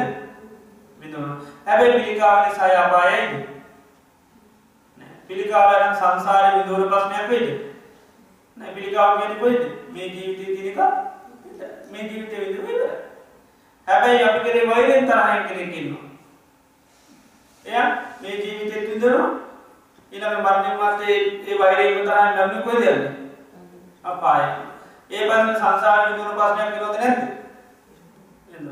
එතුට අපි ඇත්තරම කාලට වැඩියගන කම්පා කරන්න දී පිළිකාරෝගී ඇත්ත මානසික වසයෙන් රෝගත වෙච්චි කරට වයිගෙන් තරහ ඉන්නක නත්තම ගොඩා සාන්කමති ඇයි සංසාරන විදුවන පස්න රෝගයන මේ වැන්දකදී දෝ රෝග ඇරන් යුද්ධයම සංසාර විදුවන්නේ ආන්නේ අපි දන්න සමහර වෛරෙන්න්නේ පරම්පරාගාරක ආත්ම ගානකිතුම් වෛරය ඇරය එතර පුච්චර විදුවන්න ඕන? වෛරය පිරිමාගන්න ගත කරන්න? ටැස්ෙන් මොකක්දයතු හම් කර්ම. ටෙස්ටෙන් මහා අමසල් කර ඊට ඒවගේ ආය විදවන්න අපා. අපා විදරට රායම ගැන ආයමුද ගැන රාය වයි අය කත වන්න එතර මුද ආයත් දේවල් කරන ආය දේවල් කරට පස්ස ආය ඉතේ වගේ තිී ඉති එනිසා මේ කෙලෙස්වල තින දරුණම දකින්න ඒවනි හරි බහනකයි සාමාන්‍ය රෝගයක් වගේ නෙවි අපි අර රෝගයට දීල තියෙන භයානක වැඩින් අපට භයාන කැටි රෝග බේන හැබැයි කෙලෙස් රෝග අපිට භයානක නැතිරින්ද භයාන කැටි වෙන්නේ නෑ ඒ නිසා අපි පිළිකාරෝගීකට සමාදුන්නත් අපෙන් කෙරේ වෛරයෙන් කෙරේ සමාදනය කැමතිද? මෛත්‍රී කරන එකයි අපි දකින්න මේ කෙලෙස්වල තියෙන දරුණුකම දරුණුකම දකින්නට තමයි යන්න පුංජලයන් පිළිබඳ ගොඩාක් සාන්කම්පිත බව ඇතිවෙන්නේ එතොට අපි සාමාන්‍යෙන් ගත්තාමත් දැන් රෝගී රෝගාතර වුණාම සාමාන්‍ය හොඳගෙන රෝගාතර වුණාම අසාමාන්‍ය දෙවල් ගුරාකයාකින් වෙල්ලපුුණා ඒවා වුණාම අපි ගණන්ගන්නවාද ඇයි මොකක් නිසාද වෙන්නේ කියල දන්න හේතුම කට රෝග රෝග තමයි හේතු මේ රෝග කියන්නේ පුද්ජලයකුට වැරදුනා රෝග හරි බල සම්පන්න. රෝග හරි බල සම්ප අයෝමී පුරුෂයකුටනත් රෝගයක් කරන්නත්තේ මෙයාමක දෙන්නේ එයා දුගලකින් කතර පයිට දෙන්න වෙනවා. අයෝමසේක හරියන්නේ නෑ ඒවගේ කොච්චර සත්‍ය සම්පාන බල සම්පන්න අය වුණත් දැනම ගත්තුනත් රෝගයක් වැරදුනොත්තේම රෝගෙන් යා ජීවිත මුළු මුනිම මොකද වෙන්නේ? ආක්‍රමණය කරන රෝග හරි බල සම්පන්න. රෝග හරි සම්පන්න. එතකොට යාගේ තියෙන සත්‍ය ජවයේ හැකියාව කුසලත ඔක්කොම මොකද වෙන්නේ? යට යනවා. ඉතාම නිසාදව කරබාගෙන ඉන්න අය. හැබැයි රෝගයක් වදුනාම මේ වින්නද නැතුර හූ තියනවා බෙරියන් දෙනවා මැසිි නතර මාරනවා බැලපෙනවා දව නොේ දේවල් අපාහතා දේවයින් අප අපදත් තිීම සහනය. අපිට මහපාද තැබයි අපි අපාද කන්ද දරාගන්න ඇයි අපි දන්න මෙයාගේ පස්න න මුගෙද පස්න ලෙඩේ පස් අපි ඒ අපාතා කාග අරය ගැල ලෙඩේ අයින් කරන්න මහන්සේ අපදන්න ලෙඩේ දුන්න තාරමයා කවද වෙන්නේ? කෙනෙක් වෙන අයා මෙයාගේ පස්නයක් ලෙඩාගේ පස්නය නැල මුගේ පස්නයට තින්නේ රෝගී පස්නය ආනේ වගේ තමයි මෛත්‍රී කරනකොට මෛත්‍රී කරන කෙනාට තේරෙනවා මේ පුජ්‍යලයාගේ දෝෂයක් නෑ දෝෂෙ මොකේද තියෙන්නේ? ලෙඩේ. ලෙඩේ දෝෂයක් තියෙන්නේ. ලෙඩේ දෝෂයක් තියෙන්නේ. ලෙඩේ හැදුනාම අර ලෙඩා මොකද කරන්නේ? ලෙඩ ලෙඩේ ලෙඩේ සාමනය කරගන්න ලෙඩෙන් සාහනය ලැබෙන්න ලෙඩා මොකද නිතරම කරන්නේ. කේන්ද්‍රිකා මොකද කරන්නේ? කේන්ද්‍රිකාම ආඩරම මේව කරනවා මුතින ඒ කරන්නේ පහසුවක් ලබාගෙන සහනයක් ලැබේ කිය. ඉති ඒවගේ තම කෙලෙස් රෝග හැදනාම අනුන්ට දින්දා කරනවා අපාස කරනවා බයිනවා ඕමනවාද කෙන්ද්‍රිකය ඒයි. පහසුවක් ලබාගන්න ඉතින් නොේ කෙලෙස් ගති ආපම ෝකයාත්ම කරන්න ඒයි. එයා සහනයක් ලබ. ආනක වෛරී සිතක් ඇතිවනොත් වෛර කරන්න විරුසියාව ඇතිනොත් ඉතින් වර්ණා කරලා හරියන්නේ මොකද කරන්න පුළුවන් තරම් පහලට දාන වූ කරන්න මේකතම ඉරිසිාව ඒකතම කෙරි ගෑබීව එයාගේ රෝගයට එය පිළියන් කරගන්න. අනිතර වද දෙනවට වඩා තමන්ගේ ආන තමන් සහනයක් ලබන්න. තමන් සතුරක් ලබන්න. ආනේකතම යො කරන්න. ඒව දකින්නට කෙදිරි ගෑබී මොකත කෙදිරි ගෑබී හැට දකින්න රෝගයා කෙදිරිගන්නේ රෝගය සහනයක් ලබ නිසා කෙලෙස් රෝගීවොත් කෙදිරිගාන වරද තමන් සහනයක ඒකක් දකින්න එතර මේ මෛත්‍රී හරිට කරත් අප දන්න මේ පුද්ගලයක දෝෂයක් මුගේ දෝෂයද ඒ කෙලෙස් යම්දවසක නැතුනත් රහත්තුන පුද්ගලක දෝෂ ඇතිවන්න අපි ගේමුද අපිට මීට අවුදු ගාන දිසල ගොඩා වයිලෙන් තරයි හිටිය කෙනෙ වර්තමාන අපට පේනවා මේ හොඳ වැඩ කරනවා භාවනා කරනවා පේනවා. තවටිකත් දවසන මාන මානලයින්න පේනවා. තවටත් කාලන අප පේ හොඳන වීඩිය කරන කැල ඇතුළමයි දැකින්න කිලාරාචයනවා තවටිකත් දවසක දෙවියුම් අපිට විලයාගන්න තොරතුරු පේනවා. ඔයාට ඉස්සරාල ගොඩාක් මෙය කර දැන්න හරි පුදුම විදිහට භාවනා කරනවා. දැන් ඔයාගෙනත් තේරුම් ගන්න තියෙන්නේ. මම යාට කරපු දේවල් ඔක්කොම වැරදි කියලා. ඉතින් මේ විදිහේ උත්තරතුරු කියනවා. ඉතින් තාවිගත දවසකට ඇවිල්ලා කියනවා දැන් නම් යා රහතන් වහන්සේ නම. දැන් රහත් කියලා කිව්වොත් එහෙම අපේ තියෙන කාට මොකද වෙන්නේ? නැතු වෙනවා තියෙනවද නැතු වෙනවා ධර්ම ධර්ම දන්න හැටියට අපි දන්න ආත්ම පුජ්‍යලයේ දෝෂයක් නැහැ. ආනේ එතකොට අපි තරහ වෙලා තියෙන කායයකද දාන පුජ්‍යලය ආය දැක්කොත් අපිට දැන් ඉස්සරහගේ අප්‍රසන්න වෙනවද? ආවොත් එමු සිරු කරන ගෙදරම තියාගන්න මොකද හොඳට බා දාන දුන්න තාන සම්ද වෙලි නේද? ඈ භාවනා කරනකොට උපදෙස් දෙන්න පුළුවන්. ඒතර අපි නේද? ආන අපි මේ වෙනවා. ඒතර බලන්න අර පුජ්‍යලයේ දෝෂයක් විදිහට කොහෙද දෝෂ තිබෙන්නේ? කෙලෙස් වල දෝෂයක්. හිතේ කෙලෙස් වල කෙලෙස් නැතුනම පොදු පුජ්‍යලයේ දෝෂයක් නෑ. රෝගී සානිකුණා පොද නිලාර ප්‍රශ්නයක් රෝග ප්‍රශ්නයක් තිබුණ රෝග සුවනම් පද ලෙඩා ආයෙත් හොඳයි. ඒ වගේ තමයි මේ කෙලෙස් ගැතුණම් පද පුජ්‍යලයන්ගේ දෝෂයක් නැහැ. පුජ්‍යලයන්ගේ ප්‍රශ්නයක් නෑ. අපි දන්නවා අඟුලිමාල ස්වාමීන් වහන්සේ නේද? අඟුලිමාල ස්වාමීන් වහන්සේ අඟුලිමාල හැටියට මරණම් අපි සිහි කරයිලාද මේ විදිහට නෑ. අපි සිහි කරයි කොහොමද? මිනිමරණ මිනිස්සු දැක්කම කයි මහා අඟුලිමාලේ මොකද කියේ? එහෙම කියයි. දැන් අපි එහෙම කියනවද? නෑ. බලන්න කෙලෙස් නැතුණා පුජ්‍යලයන්ගේ දෝෂයක් නෑ. නමුත් දේවදත්තාම මතක් වෙන කවුරු මතක් වෙනවද? සතුරු වැඩ කරන අය දකින්න දකින්න කවුද මතක් වෙන්නේ? දේවදත්ත මතක්. මුත් මහ දේවදත්ත වගේ කියලා කියනවා.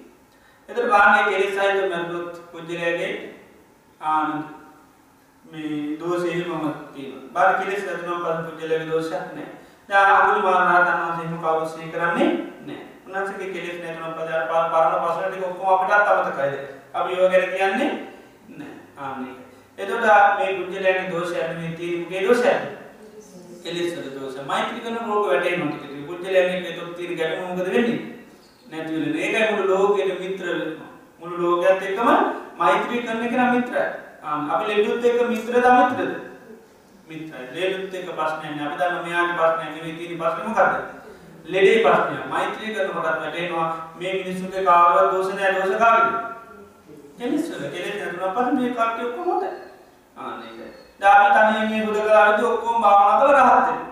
එතකොට ඉස්සේ අපිට අමනාපර පොඩ්ඩක් කරේ වද තිබුණා ඒ ප්‍රශ්නයක් තිබුණා. මොකුත් නෑ. එතකොට ඒ නිසා මේ මෛත්‍රී භාවනා කරනකොට ඒකයි ලෝකයා දුකටපත් වෙච්ච පිළිසක් හැටියට දකිනවා. දුකටපත් වෙච්ච පිළිසක් හැටියට දකිනකොට අපේ හිතේ තියෙනවා ලෝකයෙන් බලාපොරොත්තු ගොඩක්. ওই බලාපොරොත්තු ටික මොකද වෙන්නේ? නැති වෙලා. දැන් ලෝක බලාපොරොත්තු තියන්නේ මේ මොකද්ද? මාව තේරුම් ගන්න ඕන. මට ඉඩ දෙන්න ඕන.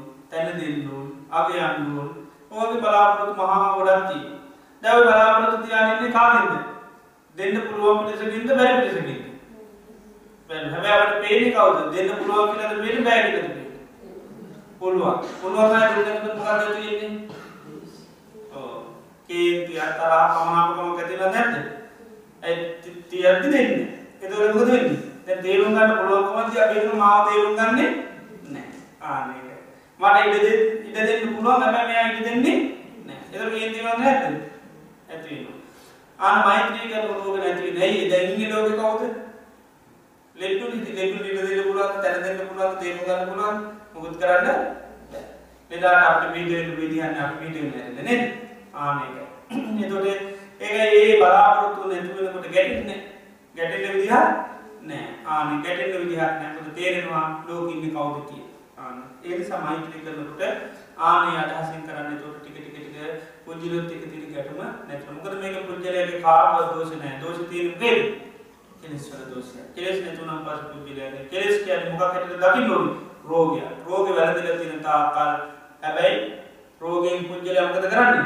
ආක්‍රමණය කරනවා. කෙලෙස් හිතවල තියෙන තාකල් කෙලෙස් වලින් පුජ්‍යලයා ආක්‍රමණය කරලා තියෙනවා. ඒ නිසා ඒ කෙලෙස් ක්‍රියාත්මක කරනකොට පුජ්‍යලයට කරන්න දෙයක් ඒ නිසා මෛත්‍රී කරන ප්‍රවේශ භාවය අවබෝධ කරගන්න පුළුවන්. බුදුරජාණන් වහන්සේ කාර්යනිත සූත්‍රයේත් ඔක දේශනා කළා තියෙනවා. ප්‍රධාන රෝග හතරක් නැති කරන්න උන්වහන්සේ දේශනා කළා. මොනවද? අනිමිත සූත්‍රයේ තියෙන මෛත්‍රී කරන්න වාක්‍ය මොකක්ද නපරෝ පරම් නිකුපේත ඥාති මන්ජේත කත්ත චිරන්කංචි ව්‍යාරෝෂනා පටික සංඥා ඥානට දුක්ක පරෝගොල්ට පරෝග මිනිසු ගෙව නැතිනත මෛත්‍රී කර නපරෝ පරම් නිකුපේත තව කෙනෙ තව කෙනෙකුට අවමන් කරන්න පාති මොකද කරන්න ඕනන්න බුහමන් කරන්න දැ ලෝක මිනිසු අවන් කිරල්ල හුමන් කිරල්ල ආමන් කිරල් හරි දෙන්නේ එකතුන තාවගෙනකට ගද කරන්න? හුමන් කරනවා දවාන් කරන ආමන් කරනවා.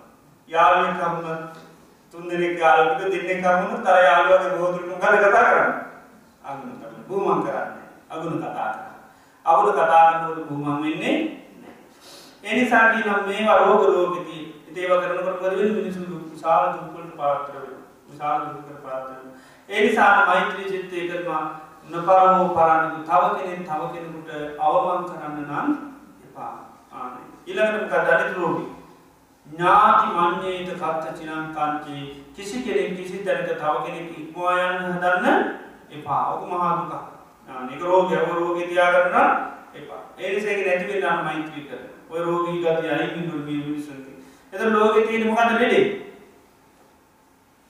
ලෝක තින් ලෙඩත්තම මොකද නිතරම කවදට කැමති ඔක්කොම?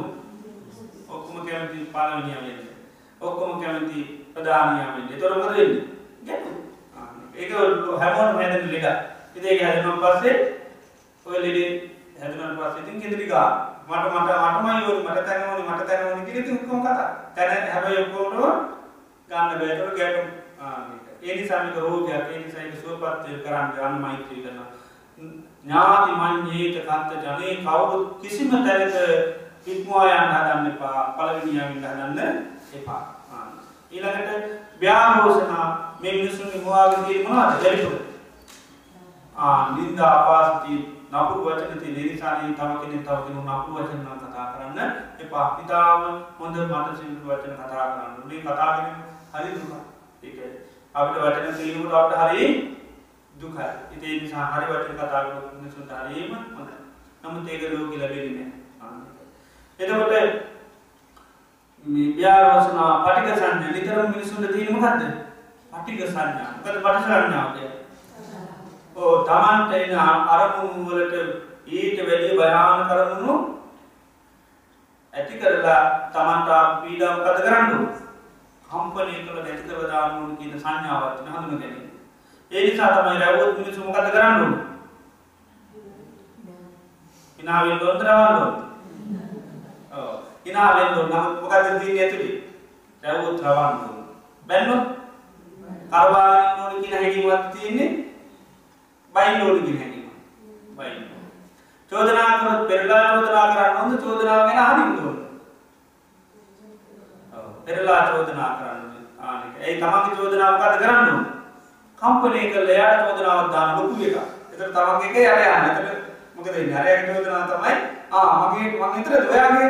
ආ නිතරම දෙන්නේ අන්න ඒක අපිට ඕනේ අපි ඒක වහලා තව කෙනෙක් එක එතෙන් දාන්න. ආන්න ඒක තමයි ඒක කියන්නේ පටික සංඥාව කියලා. පටික සංඥා. ඒක ඇතුලේ තියෙන හඳුනා ගැනීම. අරමුණක් වෙනකොටම ඒක අපි ඊට එකක් බරපතල එකක් ආන් ඇති කරනවා. ඒක කියන්නේ පටික සංඥා ඒ නිසා මේ පටික සංඥාවන් නම් ඇති කරගන්න එපා. ඉළඟට ඥාන මන්නස දුක විච්චේ තව කෙන තව කෙනෙකුට දුගා කරා කැමති වෙන කැමති වෙන්න ඕන මොකද්ද? සැප කැමති මිනිස්සු කැමති මොකේද? රිත්තාන කැමතිද නැද්ද? තමන්න රිද්දුවොත් මොකේද කැමති? රිත්තාන අඩුම ගාන විහිළුවක් කරොත් මොකද්ද කැමති? ආය විහිළුවක් කරන්න කැමතිද නැද්ද? ඇයි එහෙම කරන්නේ? තමන්ට විහිළුවක් කරාම මොකක්ද ඇතිුනේ ලැජ්ජාව අපාසතාව ඇතුළ දැයි අනිත් එක්කනම් දෙන්න කැමතිද නැද්ද? කැමති එහෙනම් මොකද ආය අපි කරන්න? අවිද්‍යාවට ඔබේ තීතියාගෙන ඉඳලා වීඩුවක් කරන්න ඕනේ. කරලා නිකන් ඉන්න පුළුවන් දේ මතක් කරලා දෙන්න ඕනද නැද්ද? ඈ? ආ ඔයා මතකද මටත් එදා කරා කියලා. නේද? ඒ වීඩු කාරකව ඔනි ජනිතව ගැන කියලා දෙයක් නෑ එතකොට මිනිස්සු නිතරම තමන්ට දෙයක් කරොත් අනිත් අයට රිද්දන්න ඕනේ. ඒ රිද්දන්නකම් මොකද හිතේ තියාගන්න ඕනේ? කේන්තිය තරහම වයි අමනාපෝතිය ඒ ඇතු ඉදර පුළුවන්ද? දුක් පුදුවට පුළොද නිකා තේනිසා වයිය තර අමනාපකමෝන් ඒ නිසා ඒ නිසා තමයි මොනවාන දෙයක් තුක හිතේ තියා ඉදර ඇති ඕකට කොහමරි මකද කරන්න? යම් අමත්තාපරිත්ත ඒ නිසා තර අප කේන්තිය තර අමනාපකමෝන් අයිකර ගන්න බැලික ඉදන්න තින ආසා ඉදන්න තියෙන ආසා මිනිස්සු අපට දුක්කි බුදුව තබිත් කැමති දුක්ක බුදවා එතෝක හිද තමයි අපි ඒ දේශය තරා වෛරගෙන පාට කර සමහාව දෙනවා තමන්ට රිදුවර තමන් රිදන්න කැමති නැයි දැන් ලෙඩෙක් තමන්ට රිද්දනවා. ලෙඩට අයුද ආසතිනෝද ඉති ලෙඩා විදුවන හොඳට මාය අමුකුත් දෙන්න ඕනි නෑ ඒවගේ තමයි කෙනෙක් තමන්ට දෙයක් කරනට දන්නමනේ තිත කරලා තියන්නේ. කෙලෙස් සිතකි එතු මේ විපාක් බැටි දක්කොත්තේ වාය දන්නවද? එයක් ආදාගනද නැද්ද?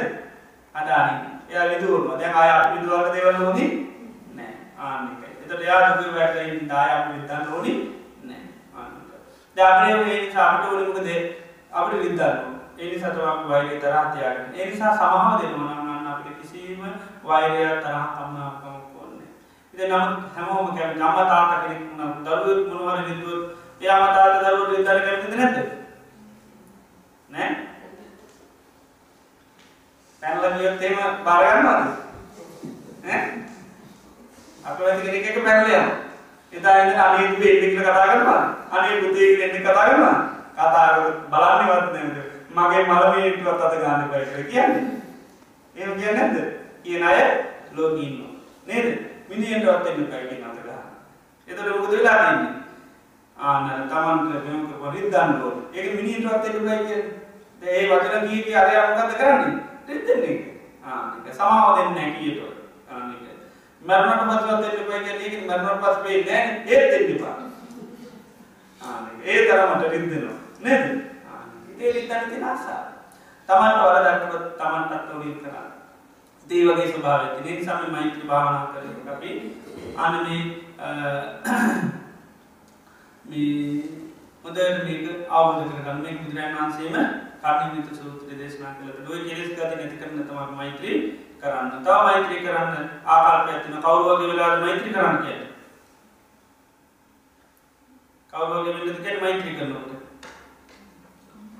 අම්මා මාතායතානියම් පුත්තන් ආයුෂායක පුත්තමන් ගක්කි ඒවම්පි සබ්බ භූතේසු මාන සම්භාවය අපරිමාණ. එක දරුවෙක් ඉන්න අම්මා කෙනෙක්. ඒ දරුවට මොකක්ද යමාකාරයෙන් ආරශා කරන අම්මගේ වැඩ පිළිවෙල තියෙන ආනීය තත්ත්වයට එන්නකි. ඉතින් අම්මගේ ගොඩාක් තියෙනවා ගතිගුණ. අපි එකක් වැඩිපුරම දෙන්නේ මොකක්ද අම්මා දරුවට? සමාව.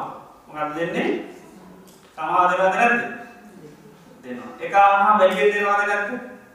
දෙනවා. එක එක එක කියලා සමහරවිට යකා වෙනකම් සමාව දෙනවද නැද්ද? දෙනවා. සමාව වැඩි වෙලා මොකද වෙන්නේ? යගේ යගෙක්ම සමාධනවද නැද්ද? ඒත් ඒත් ඉති සමාධීම තමයි අම්මගේ වෙඩි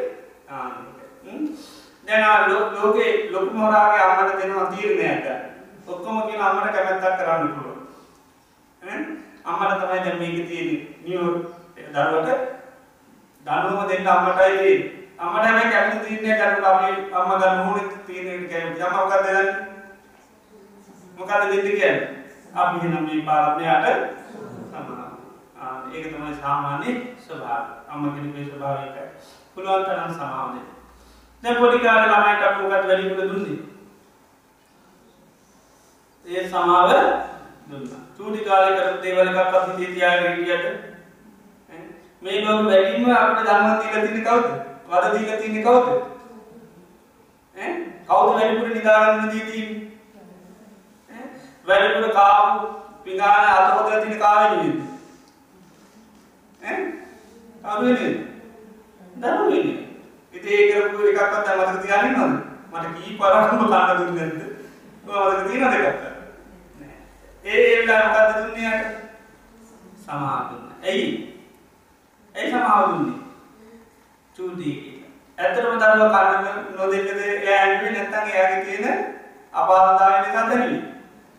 අපහත. අපිට කන්නපතිය කරපු ක්‍රියාව නොවේ අපිට නිදාගන්න බුද්ධිය යනුව නොවේ යාගේ වේදනාව යට කරගන්න යන තිත කෑගම් අන්න යුතන කාන්ති ඉතිේ නිසා එයා ඒක කරේ මොකටද?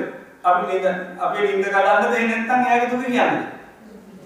දුක කියන්නේ. එයාට තේරෙන්නේ අම්මා නිදාගෙන අනේ හොඳ නෑ අම්මට හැරවන්න. මම කොහොමද නිද දාගෙන ඉන්නු? ඒක තියෙනවද? එහෙම හැකියාවක් නෑ තේරෙන්නේ නෑ යාට අනේ. එයාට තේරෙන්නේ අර විතර ඉතින් ඒ නිසා හැම වෙලේම මාඩ ඉතින් ළමයා කරන්නේ හැම අවාන්තාවයක්ම අම්මා මොකද කරන්නේ?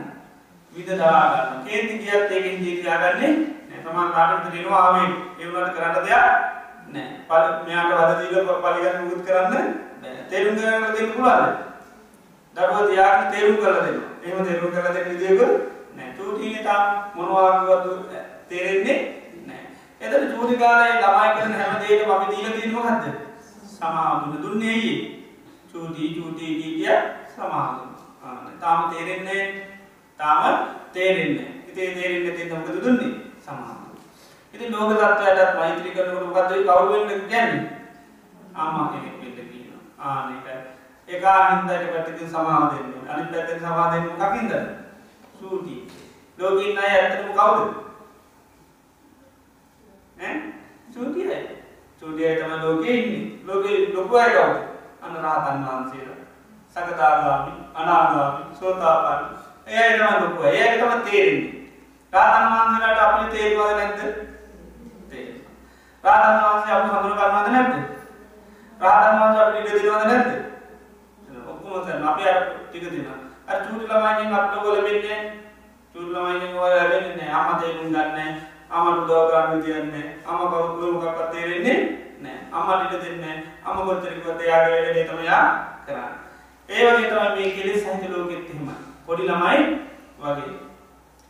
පාලි භාෂාවෙන් බාල කියන්නේ කාටද? පොඩි ළමයිටත් බාල කියනවා. තව බාල කියන්නේ කාටද?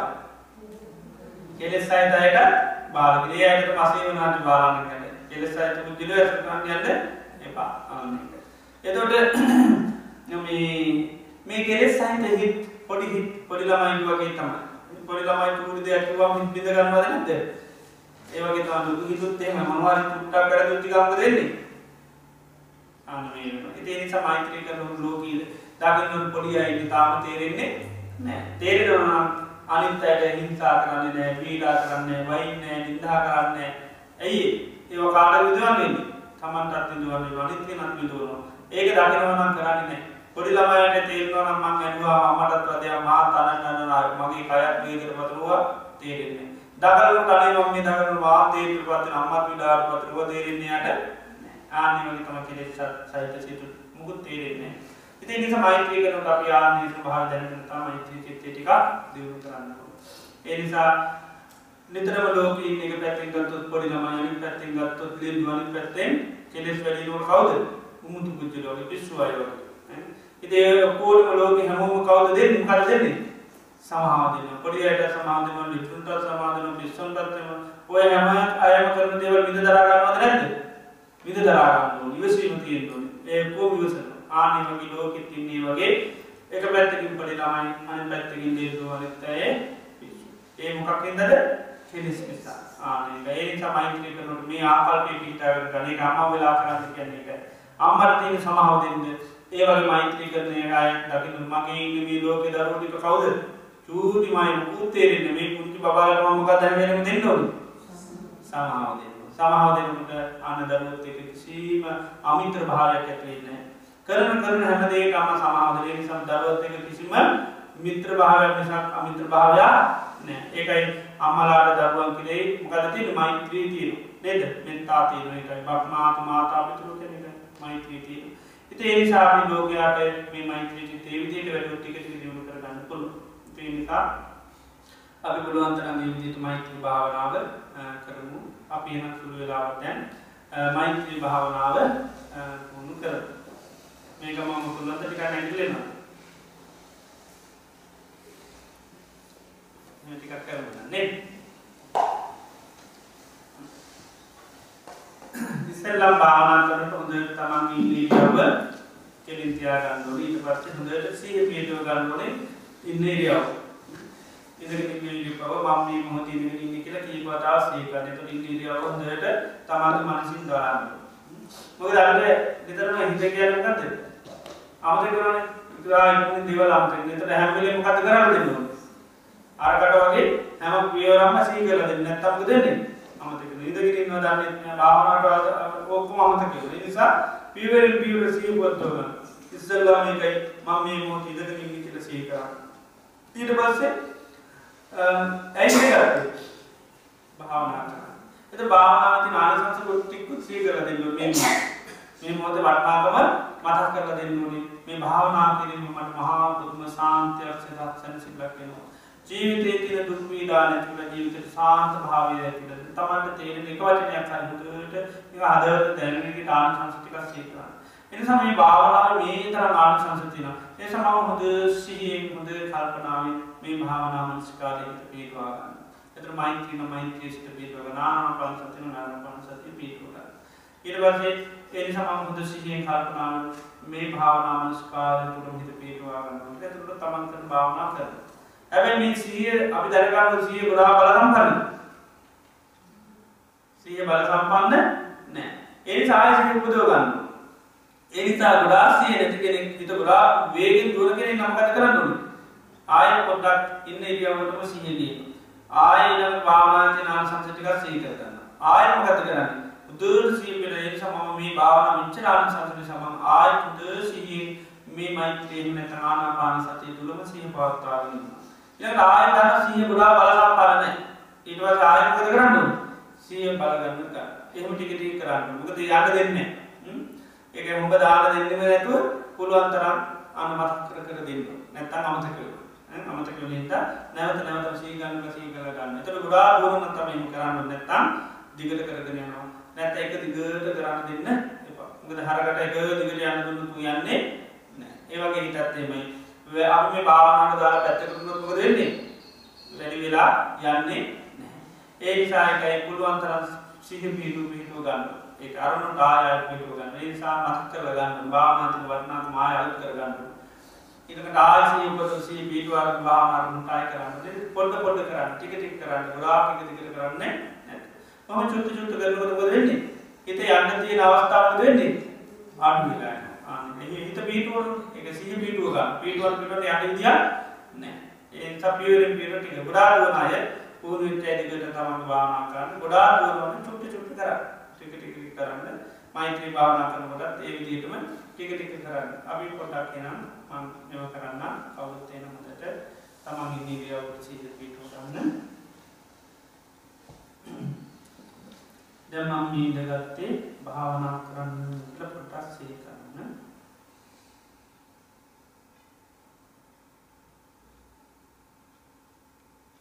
භාවනා කිරීමේ තියෙන වටිනාකම කීපතාවක් සිහි කරන්න.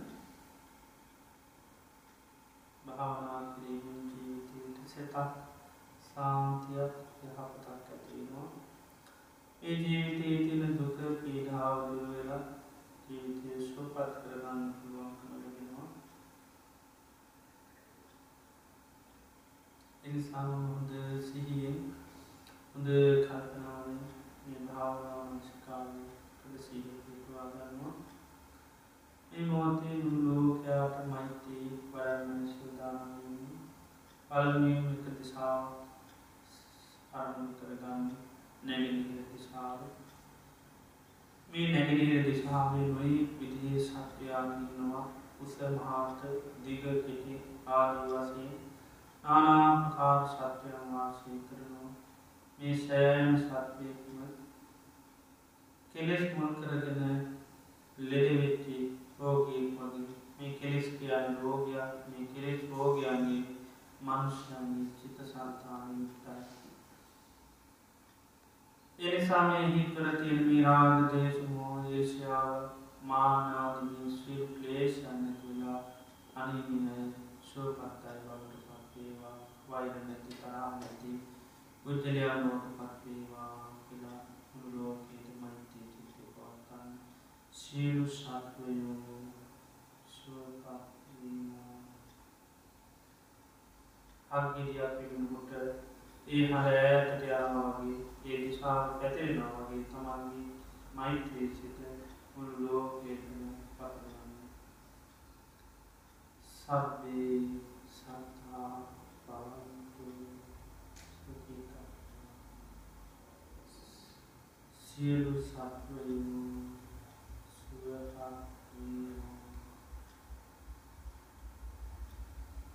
මේ දිශාවයන් තාක් සත්‍යයක් නිහවුම කෙලෙස් මුල් කරගෙන ආතරු කිලේ කෙලෙස් කියන යෝගය ලෝකීම කේස් යෝගයන් ඒ තුළ තියෙන වෛරය, ද්වේෂය, ආනාපකම, ඊර්ෂ්‍යාවන් කෙලෙස් ප්‍රතිනිතිලා අන්තිම සෝපත් පිළිබවට පත් වෙනවා. සබ්බේ සත්තා භවන්තු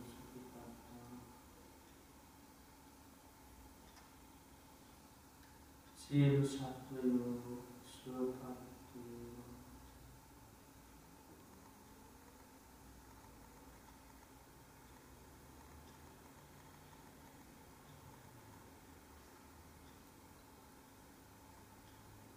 සියලු සත්වයෝ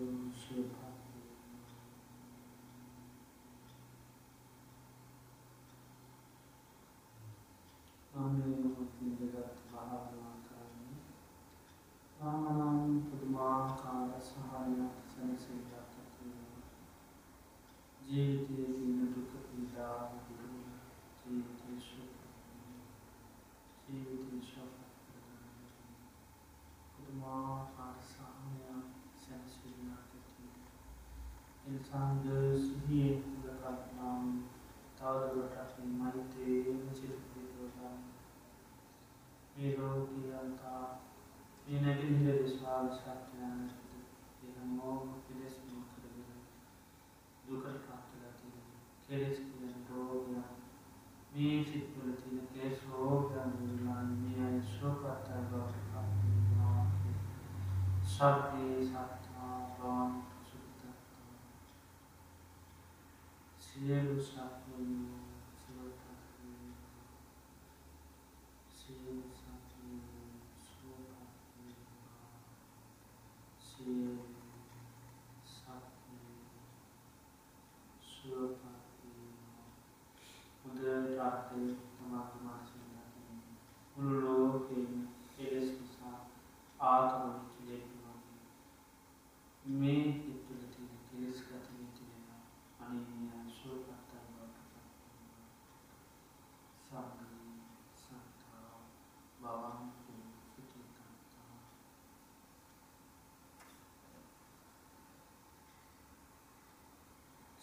Wilson.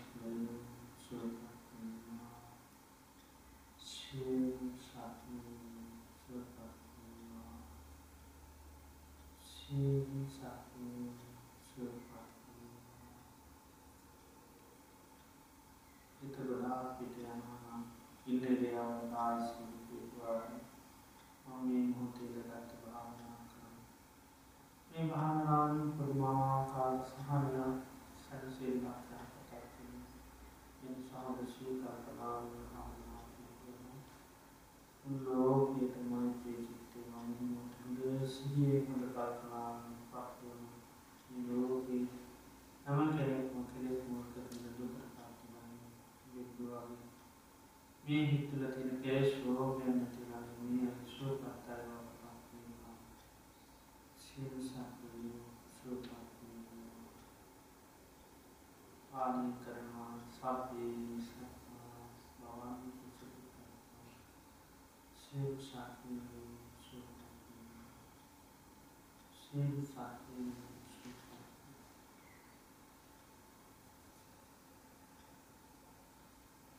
все